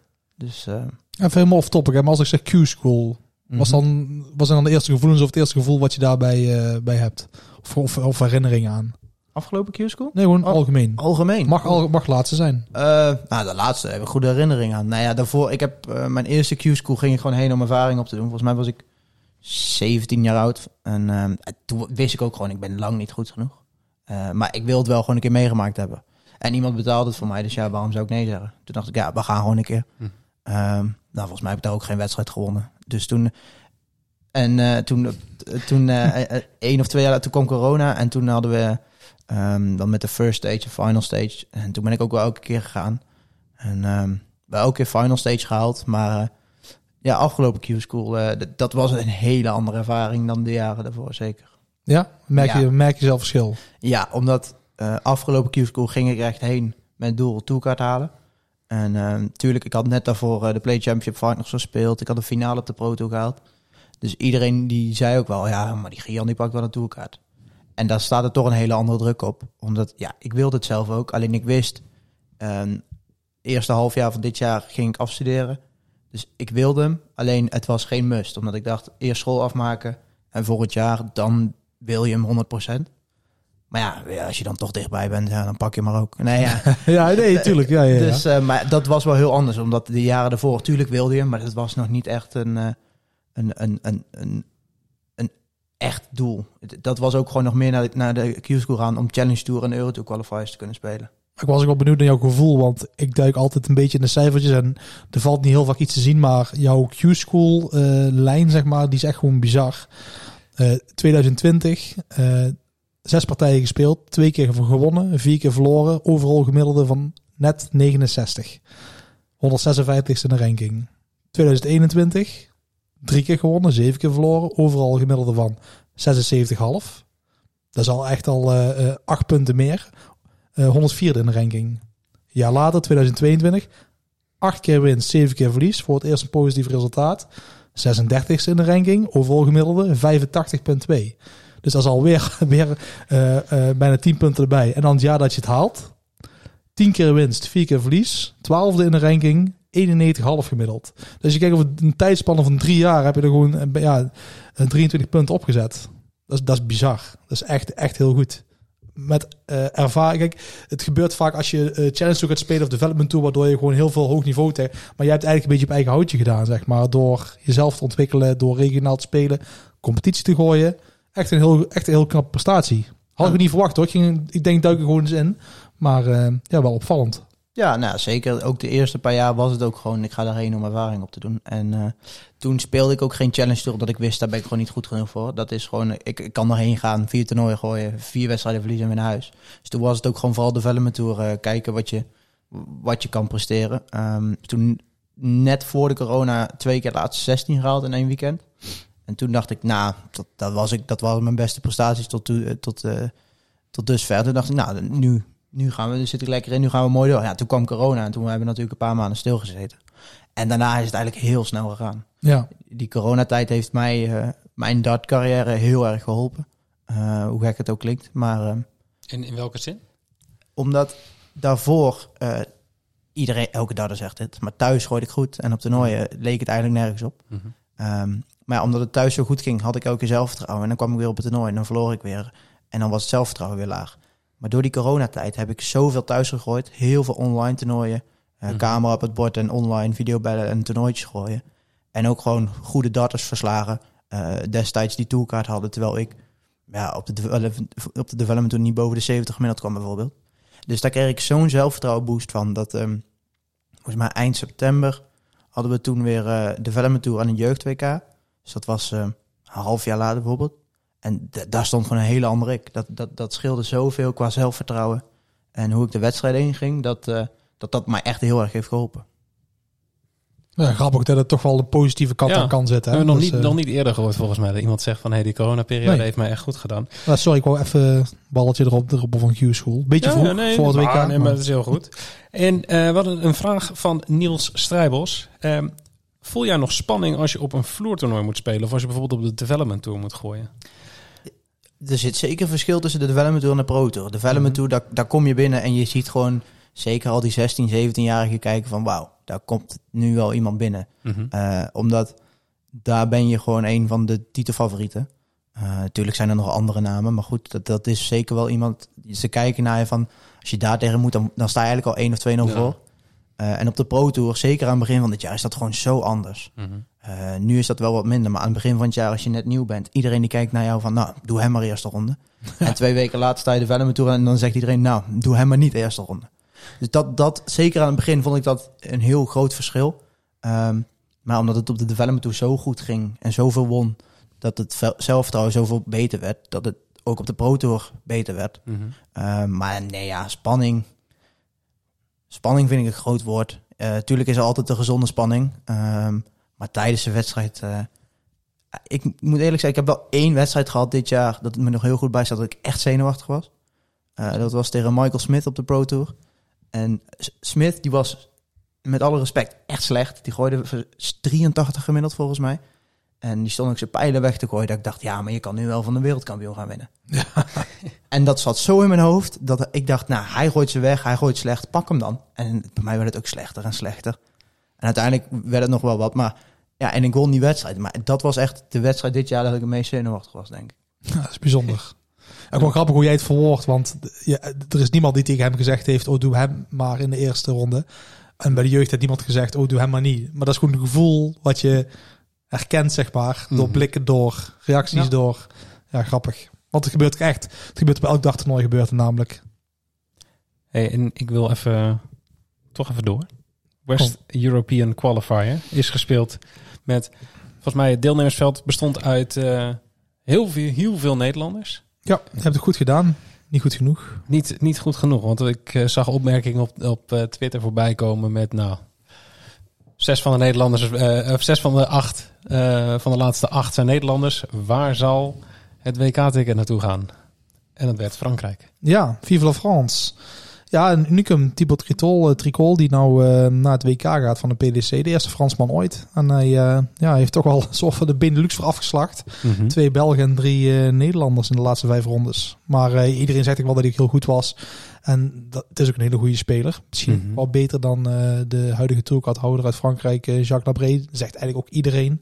Maar goed, dat geeft ook maar weer aan hoe vertekenend Q-school is en lastig Q-school is. Je moet een beetje geluk hebben met loting of een beetje pech. Maar ehm, ja, dit is echt wel een bruut toernooi om, eh, om te winnen. Het is echt wel knap van hem dat hij, eh, dat, hij dat gedaan heeft. Ja, het was gewoon een mannetje of 100 of zo wat ik eh, volgens mij voorbij zag komen. Even kijken, ja, het begon met laatst 128, 100, nee, 96 man was er. 96. Ja. Ja, en dan is gewoon last man standing en die mag... Ja, last man standing, eentje plaatsen maar volgens mij doen de Nederlanders het hier over het algemeen beter dan, eh, dan bij de PDPA qualifier die eh, eraan zit te komen. Volgens mij zijn hier eh, drie Nederlanders. Oh ja, even kijken. Jan Dekker is eigenlijk ooit geplaatst via de West Europe World Championship qualifier. Chris Landman en Jimi Hendrix vorig jaar. Ehm, en volgens mij bij de PDPA qualifier, je gaat het niet geloven, is nog maar één Nederlander ooit die zijn eigen geplaatst heeft. Terwijl het toch eh, de laatste paar jaar drie plekken eh, klaar jij, liggen. jij weet dat ik niet goed ben in deze quiz. Niemand weet het. hem? Oh. Niemand weet het. Nou ja, hij is wel genoemd al vanavond hier, net voordat we begonnen. Uit Tilburg. Benito van der Bos. 100 punten. Ja, die heeft als enige Nederlander ooit de PDP qualifier gewonnen. Eh, een plek door de PDP qualifier. Maar goed, we lopen de zaken vooruit. Sorry, eh, Jeffrey. Dat geeft helemaal niks. Ik wou jou toch net het woord gaan geven voor eh, de overige toernooien die zijn gespeeld. Ja, dus over twee weken laten we even vlug doorheen lopen. Eh, German Super League is gegooid. Daar won Drakentien Horvat. En die, ging dus ook naar het, ehm, eh, die gaat dus ook naar het WK als German Super League representative. Ja, en dit was die avond wij bij Perry en Carlo zaten. Hè, toen die 89 gegooid werd door Nico Springer. Ja, dat hij die pijl liet vallen en... Zo, nou, ik heb daar best vaak teruggekeken. Ongelooflijk. Mhm. En hij moest tegen Manfred Bilder volgens mij. Die gooide begon 171 en Die stond ook op een 174. 39, ja. Ja, bizar. Ook gewoon hoe die die pijl laat vallen. En de, die antics van hem. Oeh, hij zei zo de oeh, laat een pijl vallen, jongens. En hij pakt hem echt zo rustig op. Poetst hem een keer af en platst hem erin. Eh, maar goed, het belangrijkste was eigenlijk de Drakken die natuurlijk naar het WK gaat. Eh, ja, er was een eh, gouden WDF-toernooi, de Irish Open. Daar gingen toch eh, ruim 500 heren naartoe. En dan was het hier Shea McGurk die won. Dus die heeft snel alweer geplaatst voor het Lakeside 2024. En alleen de Graaf van bij de dames. En die gaat ook alvast naar de Lakeside volgend jaar. Dus leuk, leuk voor hun. Ehm, ja, en dan afgelopen weekend was de Czech Darts Open. Daar won Andy Batens. Dat was de derde keer op rij dat hij de Czech Open won. Is ongelooflijk. De vierde keer dat hij hem überhaupt won, de derde keer op rij. En er waren dus 636 heren. Dat is echt gewoon een bizar aantal. Dus qua aantallen doet de WDF het goed de laatste tijd. En niet alleen hier, maar ook over de verdere grenzen. En er waren 107 dames. En daar won Aletta Wire. Die ging de week daarvoor in de finale zitten tegen Reno Sullivan bij de Ice Classic. En nou won ze hem. Dus die heeft ook een, eh, ja, een goede week gehad. Of twee goede weekenden gehad. En de oudjes hebben we nog gedacht. De Open Series 7 en 8. Andy Jenkins. Mocht toen nog gooien. Mocht toen nog gooien, nu niet meer. Ja, die versloeg in de finale Ellen Norris. Ook wel leuk om die weer een keer ver te zien. Ellen Norris die heeft ook heel lang een tourcard eh, gehad. Heeft ook goed gedaan bij de BDO toen een tijd nog. Die haalde weer eens een keer de finale. Ehm, en de andere werd, ja, ik ken hem niet eens, eh, Richard Rowlands. Richard Eric Rowlands zelfs uit uh, Wales. Die Dat zei mij eh, ook helemaal niks. Maar dat dat zegt me is niks. Sorry, eh, Richard. Eh, ja, en dan tussendoor was er nog de ADC qualifier voor eh, nummertje 5 en nummertje 6. En eh, vriend van de show, Ja. eerdere gast, Jimmy van Schie, eh, won daar. Dus die gaat twee keer naar modus. Net Ja, als, is, het niet, is het niet drie keer? Had hij niet laatst ook al een, een eh, dag? Was hij een van de dagqualifiers? Dan heeft hij nu het toernooi gewonnen. En hij is volgens mij tweede op die eindranking geworden. Ik weet niet precies hoe het in elkaar... Hij mag dan drie keer en Ja. twee keer naar de McDonald's. Ik weet het niet. Nou, volgens mij is die eindring nog niet helemaal afgelopen. Maar staat hij er daar wel goed voor inderdaad. Mhm. Dus Dat kan Ja. goed. Ja, hij is het maar hij gaat- is het hij tweede gaat nog een aantal keer. Ja, ik denk dat hij nog wel een paar keer zijn kop laat zien. eh. Ja, of helemaal niet als hij in eh, januari eh, het goed gaat doen in Kalkar. Ja, hij heeft ook nog wel een aardig wat partijtjes gewonnen op die eh qualifier, die Western European qualifier. Hij ging Hij volgens mij goed. Hij volgens mij gooide 5-4 zitten. eh, ik weet niet meer tegen wie uit mijn hoofd, maar Hij ging vijf keer zetten. Eh, en Dennis van der Ende won nummertje 6. En via de eh, overall ranking van het weekend waren het eh, Janne Bottenberg, die naar Lakeside gaat. Max de Jong, Nigel Lloyd en Timothy Verbrugge. Nou goed, ik, er is nog meer bij de WDF gedacht de afgelopen twee weken. Maar we laten er even bij. Ja, want Eh. ik wil dat heel graag hebben over de finale van Jeugd WK. En Ja. daarna de Players Championship Finals. Ehm, ja, we hebben daar uiteraard vragen over gekregen. Ehm, allereerst Tom Niesen vraagt zich af. De vergelijking met Josh Rock wordt regelmatig gemaakt bij jou, Gian. Hoe kijk je daar zelf tegenaan?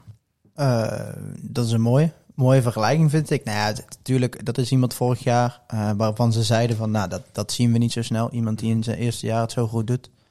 Ehm, ik denk Hold dat- my beer, dacht je Jan. Ja, precies. nou ja, ik denk ook dat hij zeker... eh, zijn jaar, denk ik, vorig jaar was misschien nog wel beter dan de mijne. Ehm, maar goed, hij had tot afgelopen weekend nog geen eh, kwartfinale of halve finale op een major. Mhm. En ik tot nu toe wel. Maar nee, ja.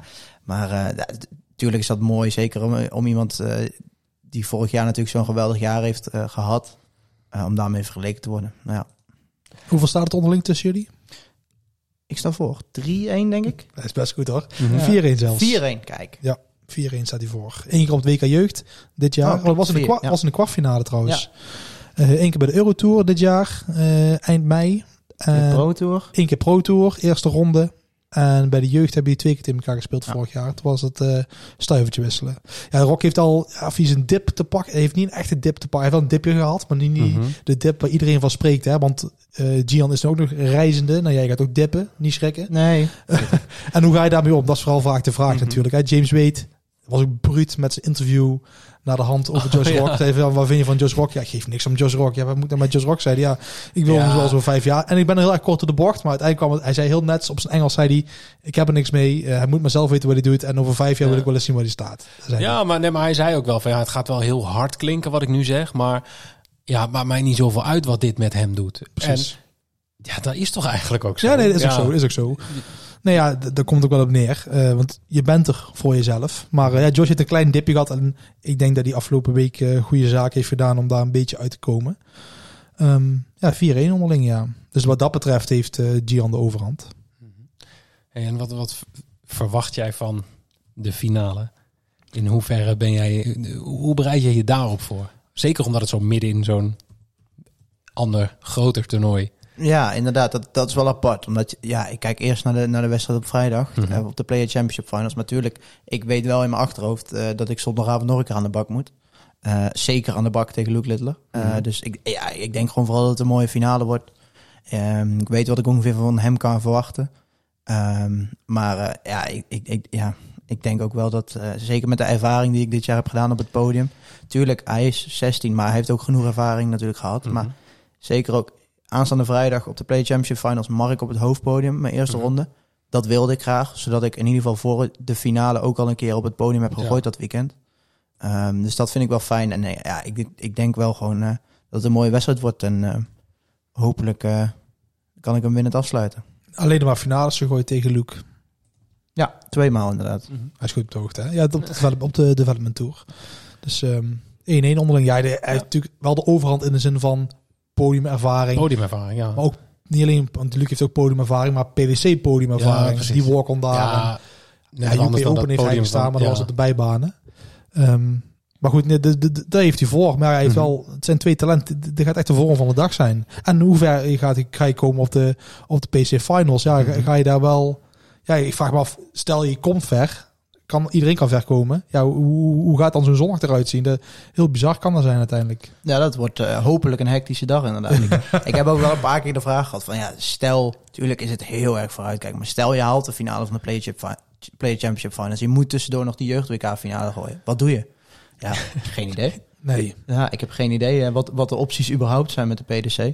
Maar ehm, ja, ik, zeker al moet je de tweede halve finale en dan de jeugd WK finale en dan nog de finale. Ja, dat, dat, dat, dat hou je niet vol.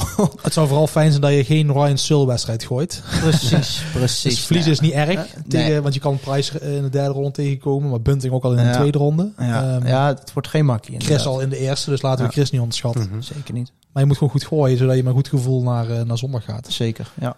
Ik eh, kreeg nog een vraag binnen van, nou, ik denk een bekende, eh Jacco van Bodegom. Zeker een bekend. Heb jij een bepaalde tactiek eh, waarmee je de finale ingaat? Ehm, een bepaalde tactiek. Nou ja, eerst zes legs winnen. Dat is een hele goede tactiek. Mhm. Nou ja, ja, niet zozeer, maar dat doe ik eigenlijk nooit. Ik heb nooit echt. eh, ik, ik ben vooral bezig met mezelf, niet echt met mijn tegenstander. Eh, ehm, van nou, ik moet tegen die, die is wat sneller, dus wat langzamer aan doen. Dat, daar ben ik eigenlijk niet zo van. Dat voel ik tijdens de wedstrijd wel aan. Ehm, qua mijn eigen tempo, zeg maar. Mhm. Uh, maar nee, ja, er is niet echt iets dat ik zeg, eh, een bepaalde tactiek. Nee, gewoon mijn Ja, eigen ding doen. Ook niet van even je pijlen iets trager uit dat bord halen of zo. Want volgens mij was het de weight die dat... Ja, Wade kan het wel. Die kan Ja, dat- ja, dat- ja. volgens mij... denk ik, als ik, als ik Nee. op 100 sta, dan gooi ik 20. Hoeveel heb ik dan over? Even Ja. goed, heel goed nadenken. Ja, ja, ja, precies. Op de, in de EK tegen Dus- mij, de halve finale, liep hij ook in één keer mank. Dat ik ook dacht, nou... Zo, ja. Nee, maar de, ik heb dat toen... Hij last van zijn ik heb neus dat gehad, toen zijn gezegd. oren. Ja, maar ik heb dat toen in de podcast gezegd, na die partij, dat het mij opviel dat hij op bepaalde momenten net even... Jij gaat heel snel klaarstaan natuurlijk. Dat hij net even iets trager die pijltjes uit het bord halen. Of twee pijlen uit het bord halen. En dan die nog een extra handeling doen voor die derde. Weet je dat. Maar Ja, dat, die kan dat heel goed. En dan Mhm. misschien ook nog een keer met hem eh, aan tafel moeten om wel wat te leren hier en daar. Mag ik nog een vraag stellen, Jeffrey? Of, eh, uit, ja, voor mij wel. ja, doet het nog iets met je dat je de, de eerste Nederlander kan zijn? Ja, natuurlijk. Ja? Dat, dat is iedereen die ook vraagt van wat verwacht je van die wedstrijd. Ik wil hem winnen voor mezelf, maar je wil natuurlijk ook de eerste Nederlander zijn die die titel pakt. Dat is zeker wel iets waar ik aan denk en dat zou wel heel mooi zijn om dat ehm, te kunnen bewerkstelligen. En, en zeker als je ook kijkt wie die finales hebben verloren, nou, twee keer van Gerwen en een keer Barry van Peer. Dat zijn ook niet de minste. En, en ook de oud-kampioenen zijn ook zeker niet de minste. Dus ja, dat zou wel mooi zijn om dat als eerste Nederlander eh, te, kunnen, te kunnen winnen, inderdaad. Ja, en pas de derde die de finale haalt. En het is wel de laatste jaren echt veel moeilijker geworden om de finale te halen. Maar inderdaad, Van den Berg twee keer gewonnen achter elkaar. Humphries heeft een keer gewonnen. Josh Rock vorig jaar natuurlijk. Max Hop in het verleden. Keegan Brown, Michael Smith. Ehm, ja, dat is echt een flink rijtje van namen. Het zou, eh, het zou een hele mooie zijn. En, en dan het andere toernooi waar we ook nog maar even over gaan hebben. Players Championship Finals. Ehm, nou, je bent niet de enige Nederlander. Eh, in totaal 11 gaan wij terugzien. Eigenlijk waren het 12, maar Ja, 12 is ook het record. Drie keer voorgekomen. Eh de, ja, dus eh, helaas net niet het record geëvenaard. Ja, en jij bent dus als tweede Nederlander geplaatst. Nu Noppert dus uitvalt. Ehm, maar je hebt ja, een lekkere eh Pro Tour gedraaid eh, dit seizoen. En dan krijg je de loting, krijg je een andere Nederlander eh, tegenover je. Maar heb je al een beetje vooruitgekeken in het schema, stiekem? Ja, tuurlijk. eh, Dat zie je wel. Ja, ik, ik weet ongeveer mijn eerste twee, drie, vier wedstrijden wel wie ik er tegen zou kunnen komen. Qua, ik weet ze niet allemaal, maar wel qua grote namen. Dus ik weet wel dat het moeilijk wordt. Maar inderdaad, ook, ook een, een Chris moet je zeker niet onderschatten. Maar ik vind Chris wel een fijne tegenstander om, om te hebben. Lekker Eh, tempo. Ja, precies. Die, die haalt geen rare fratsen uit. Die, die, Nee. die, ik heb er eerder ook al een keer ge- tegen gegooid dit jaar op de Pro Tour. En dat, dat gooit gewoon fijn. Lekker tempo inderdaad. Die doet niks geks. Je weet wat je kan verwachten. Dus dat, eh, dat vind ik eigenlijk wel heel, eh, heel relaxed. Ehm, maar ja, zeker ook een goede darter. Dus eh, Maar de vooruitkijker doet elke darter. Elke darter gaat kijken van, kom ik van Gerwal deze ronde tegen of die? Of je gaat altijd vooruitkijken. heel veel Dus- zeggen dat ze het niet doen, maar iedereen doet het. Ja, natuurlijk. Iedereen. Ja, want jij, eh, om, om even in te vullen voor de mensen die luisteren en nog niet vooruit hebben gekeken. Na Landman is een mogelijke route voor jou eh, Bunting Prize van Gerwen. Ja. Dat- Dan sta je pas in de halve finale als je die haalt. als, je, als je dat rijtje hebt verslagen, dan in- inderdaad sta je in de halve finale. En eh, ik weet zo even niet uit mijn hoofd wat er dan eh, in het tweede kwart zit. Ja, Maar- Eigenlijk beste cross, rock, chisnell. Ja. Maar goed, daar zal ook nog eh, wat, wat achterweg gaan komen. Maar dit is wel echt een verdomd sterk kwart. Als ik het vergelijk met anderen. Ja, dit is ook het, het, het gebeuren dat ze zeggen dat de middenmoot bij de PDC een stuk beter geworden is. Daardoor als nou spelers zoals, ja, die normaal hoog zouden moeten aan toernooien overslaan, zoals Van Gerwen. Dat dit niet zo makkelijk heel hoog... Van Gerwen heeft ook wel eens ooit een, twee jaar geleden volgens mij de helft van de Play Champions overslagen. Was hij nog derde geworden of tweede. Omdat hij toch zoveel won. Maar nu Mhm. gebeurt dat niet meer zo automatisch. Ja, dan krijg je ook dit soort eh, meer interessante kwarten misschien wel. Als ik eerlijk ben ook, we hadden nog twee of, of één Pro Tour te gaan. En ik keek al een beetje naar wie zou ik kunnen krijgen. En je ziet Michael, die, die was de laatste Pro Tour, was hij er niet. En je ziet hem, volgens mij is hij 40 geëindigd of zo. En ik weet wel, nou, dan moet je daar niet rond de plek 25 komen uiteindelijk. Die wil je zeker niet in de eerste ronde. Wat motivatie om de laatste Precies, even ja, te geven. ja, Ja, precies. ja dat Ik heb- snap ik. Ik heb het even niet voor me liggen. Maar eh, wat is Van Gerwen zijn eh, eerste mogelijke tweede ronde partij? Eh, ja, die zit in dezelfde kwart als bij, eh bij Gian natuurlijk. Mhm. Ik heb de, het bracket niet openstaan. Dat is dan weer jammer hè? Praat er even overheen. Oh ja, hier moet ik even overheen praten. Nee, ik heb, ik heb ook nog niet alles bekeken. Ik heb vandaag wel even een beetje in de data eh, gedoken die jij, die jij mij hebt toegestuurd. Want ik ga uiteraard weer een leuke voorbeschouwing schrijven op... eh, Dan krijg je het eerst uh, Callum Ritz. En dan Ross Smith of Scott Williams. Ook al booby traps hoor, die twee eh, gasten. Is ook Scott al- Williams. Die had ook een- laatst nog op zo'n pro tour dat hij eh, de ene na de andere Nederlander... eh, Vorig jaar was hij heel goed. mhm. Oh, hij zit, oh, hij zit wel bij jou, wat ik wil zeggen. En dan, eh, ja, ja, dan is het iets minder als je het zo mag zeggen. Dylan Slevin of Matt Campbell. En Mike de Dekker en Maya van den Boogaarden. Nou, had normaal dan Noppert. eh Ja, Kunnen had op het gezeten. Mhm. Ja. Ja, het is, een, het, is een, het is een mooi blokje, maar ik moet even kijken. Volgens mij was het, doe ik even uit mijn hoofd, het vierde kwart. Waar Waar ik dacht van, ah, daar kan nog wel eens een verrassing uitkomen. Voor- Uit mijn hoofd zit, eh, zit Dirk daar in dat kwart. En dat ik denk van, Eh, ja, ja, dat ligt... Smit, Hida, Ja. En dan zitten de meeste Nederlanders in. eh, Kevin Doets, Mike Kuivenhoven, Dirk van Mhm. Duivenbode, Jermaine natuurlijk. En eh, Richard Veenstra. Ik heb, Richard Veenstra ook zo'n gevaarlijke outsider. Die, ja, Die kan Smit het zomaar lastig gaan Dat is de eerste die van alle eh, de club van 2023, dus het Mhm. Gianni natuurlijk van de tourkaarthouders, is Richard de tweede beste. Die het hoogste staat op de ranking. Die heeft echt een heel goed jaar gehad. Ook al is hij een beetje onder de radar. Niet, kan je nagaan dat hij heeft gewoon bijna geen eh groot toernooi gegooid. En toch staat hij zo hoog. Dat wil Mhm. zeggen dat hij het goed gedaan heeft.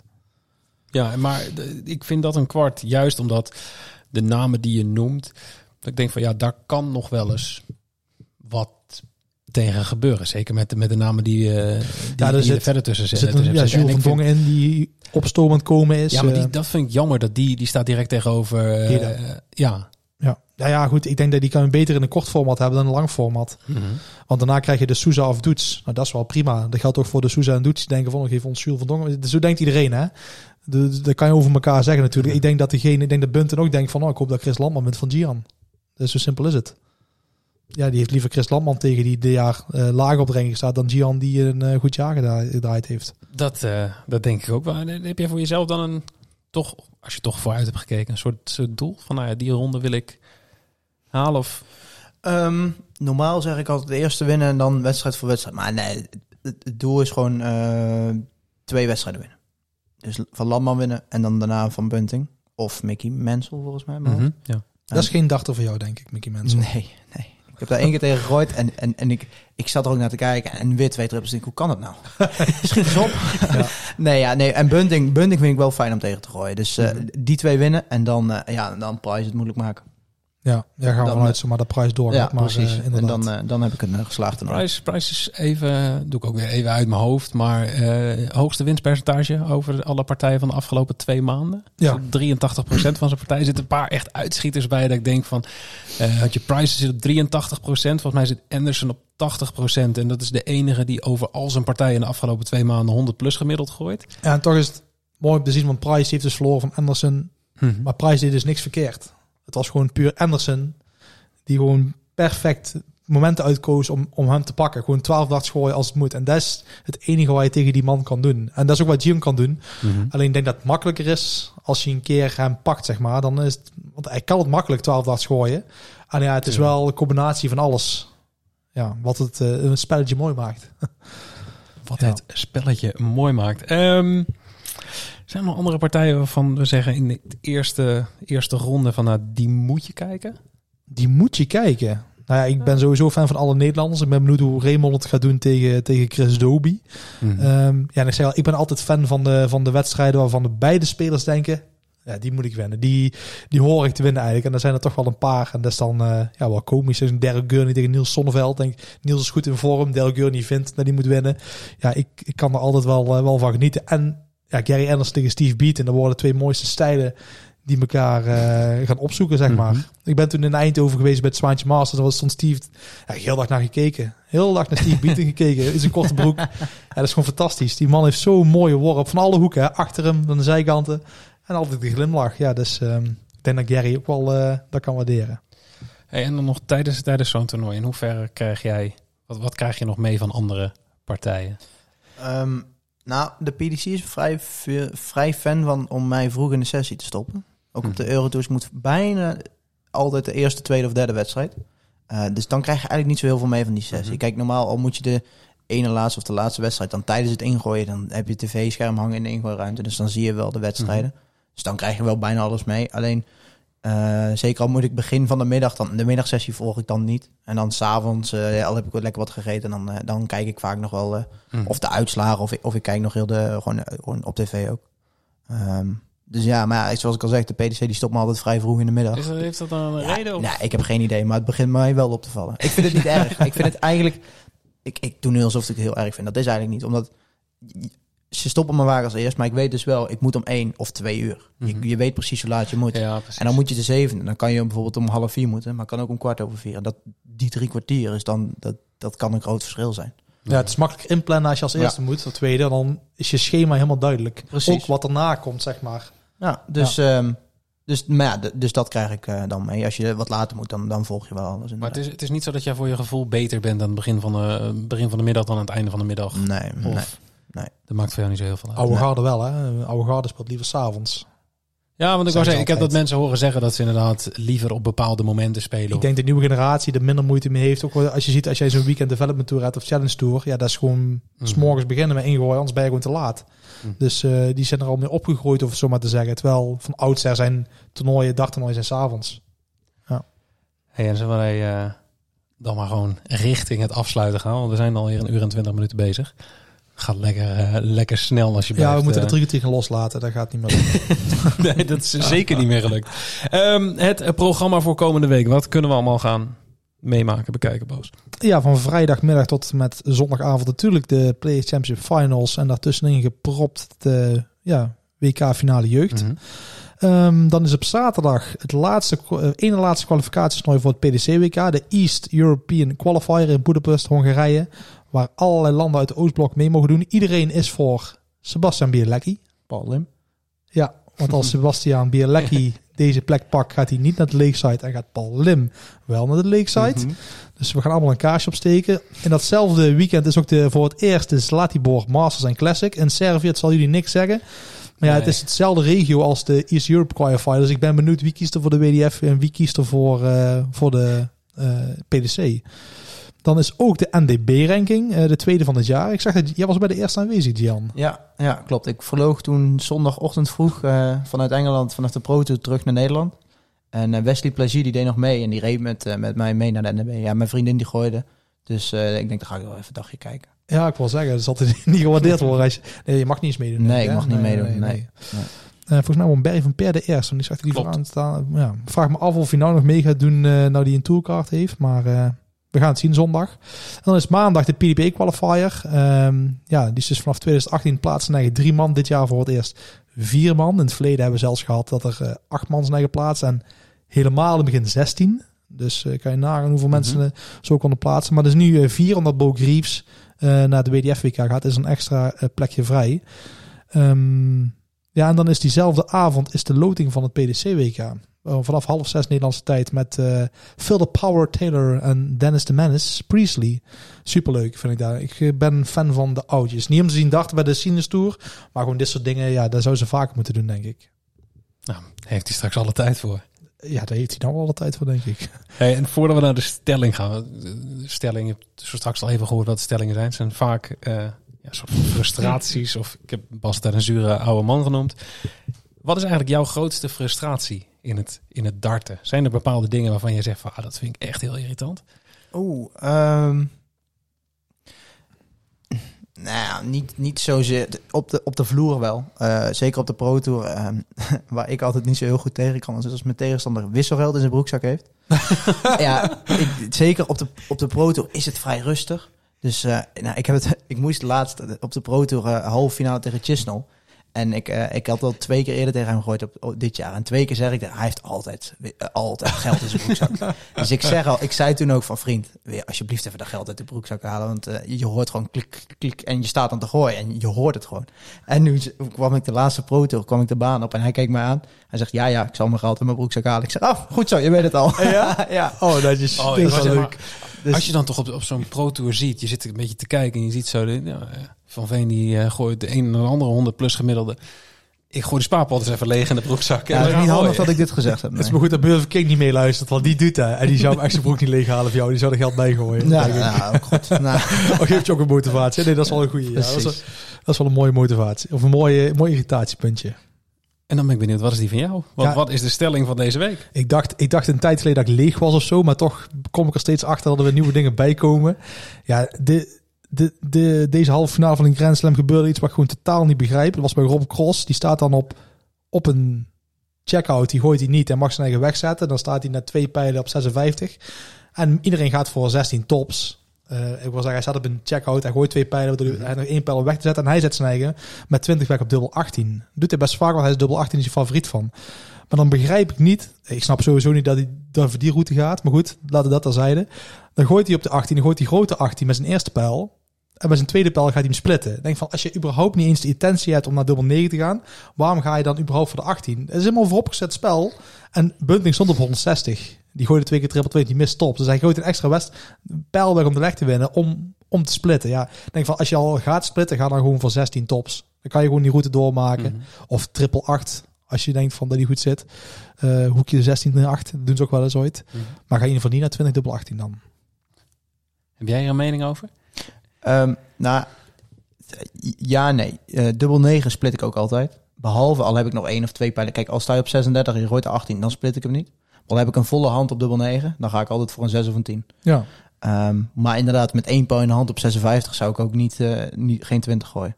Nou ja. Omdat al in mijn hoofd heb, al gooi je op dubbel 18, dan sta ik al. Niet aan de binnenkant, dan moet je naar dubbel 9. Niet aan de binnenkant. Nou, Ja. ja, raden we die beland. Dus dan zou ik ook voor een 16 of inderdaad, al heb je wat ruimte, triple 8. Ja, ik, en ik snap dat splitten wel, als die tegenstander niet op een finish staat. Ja.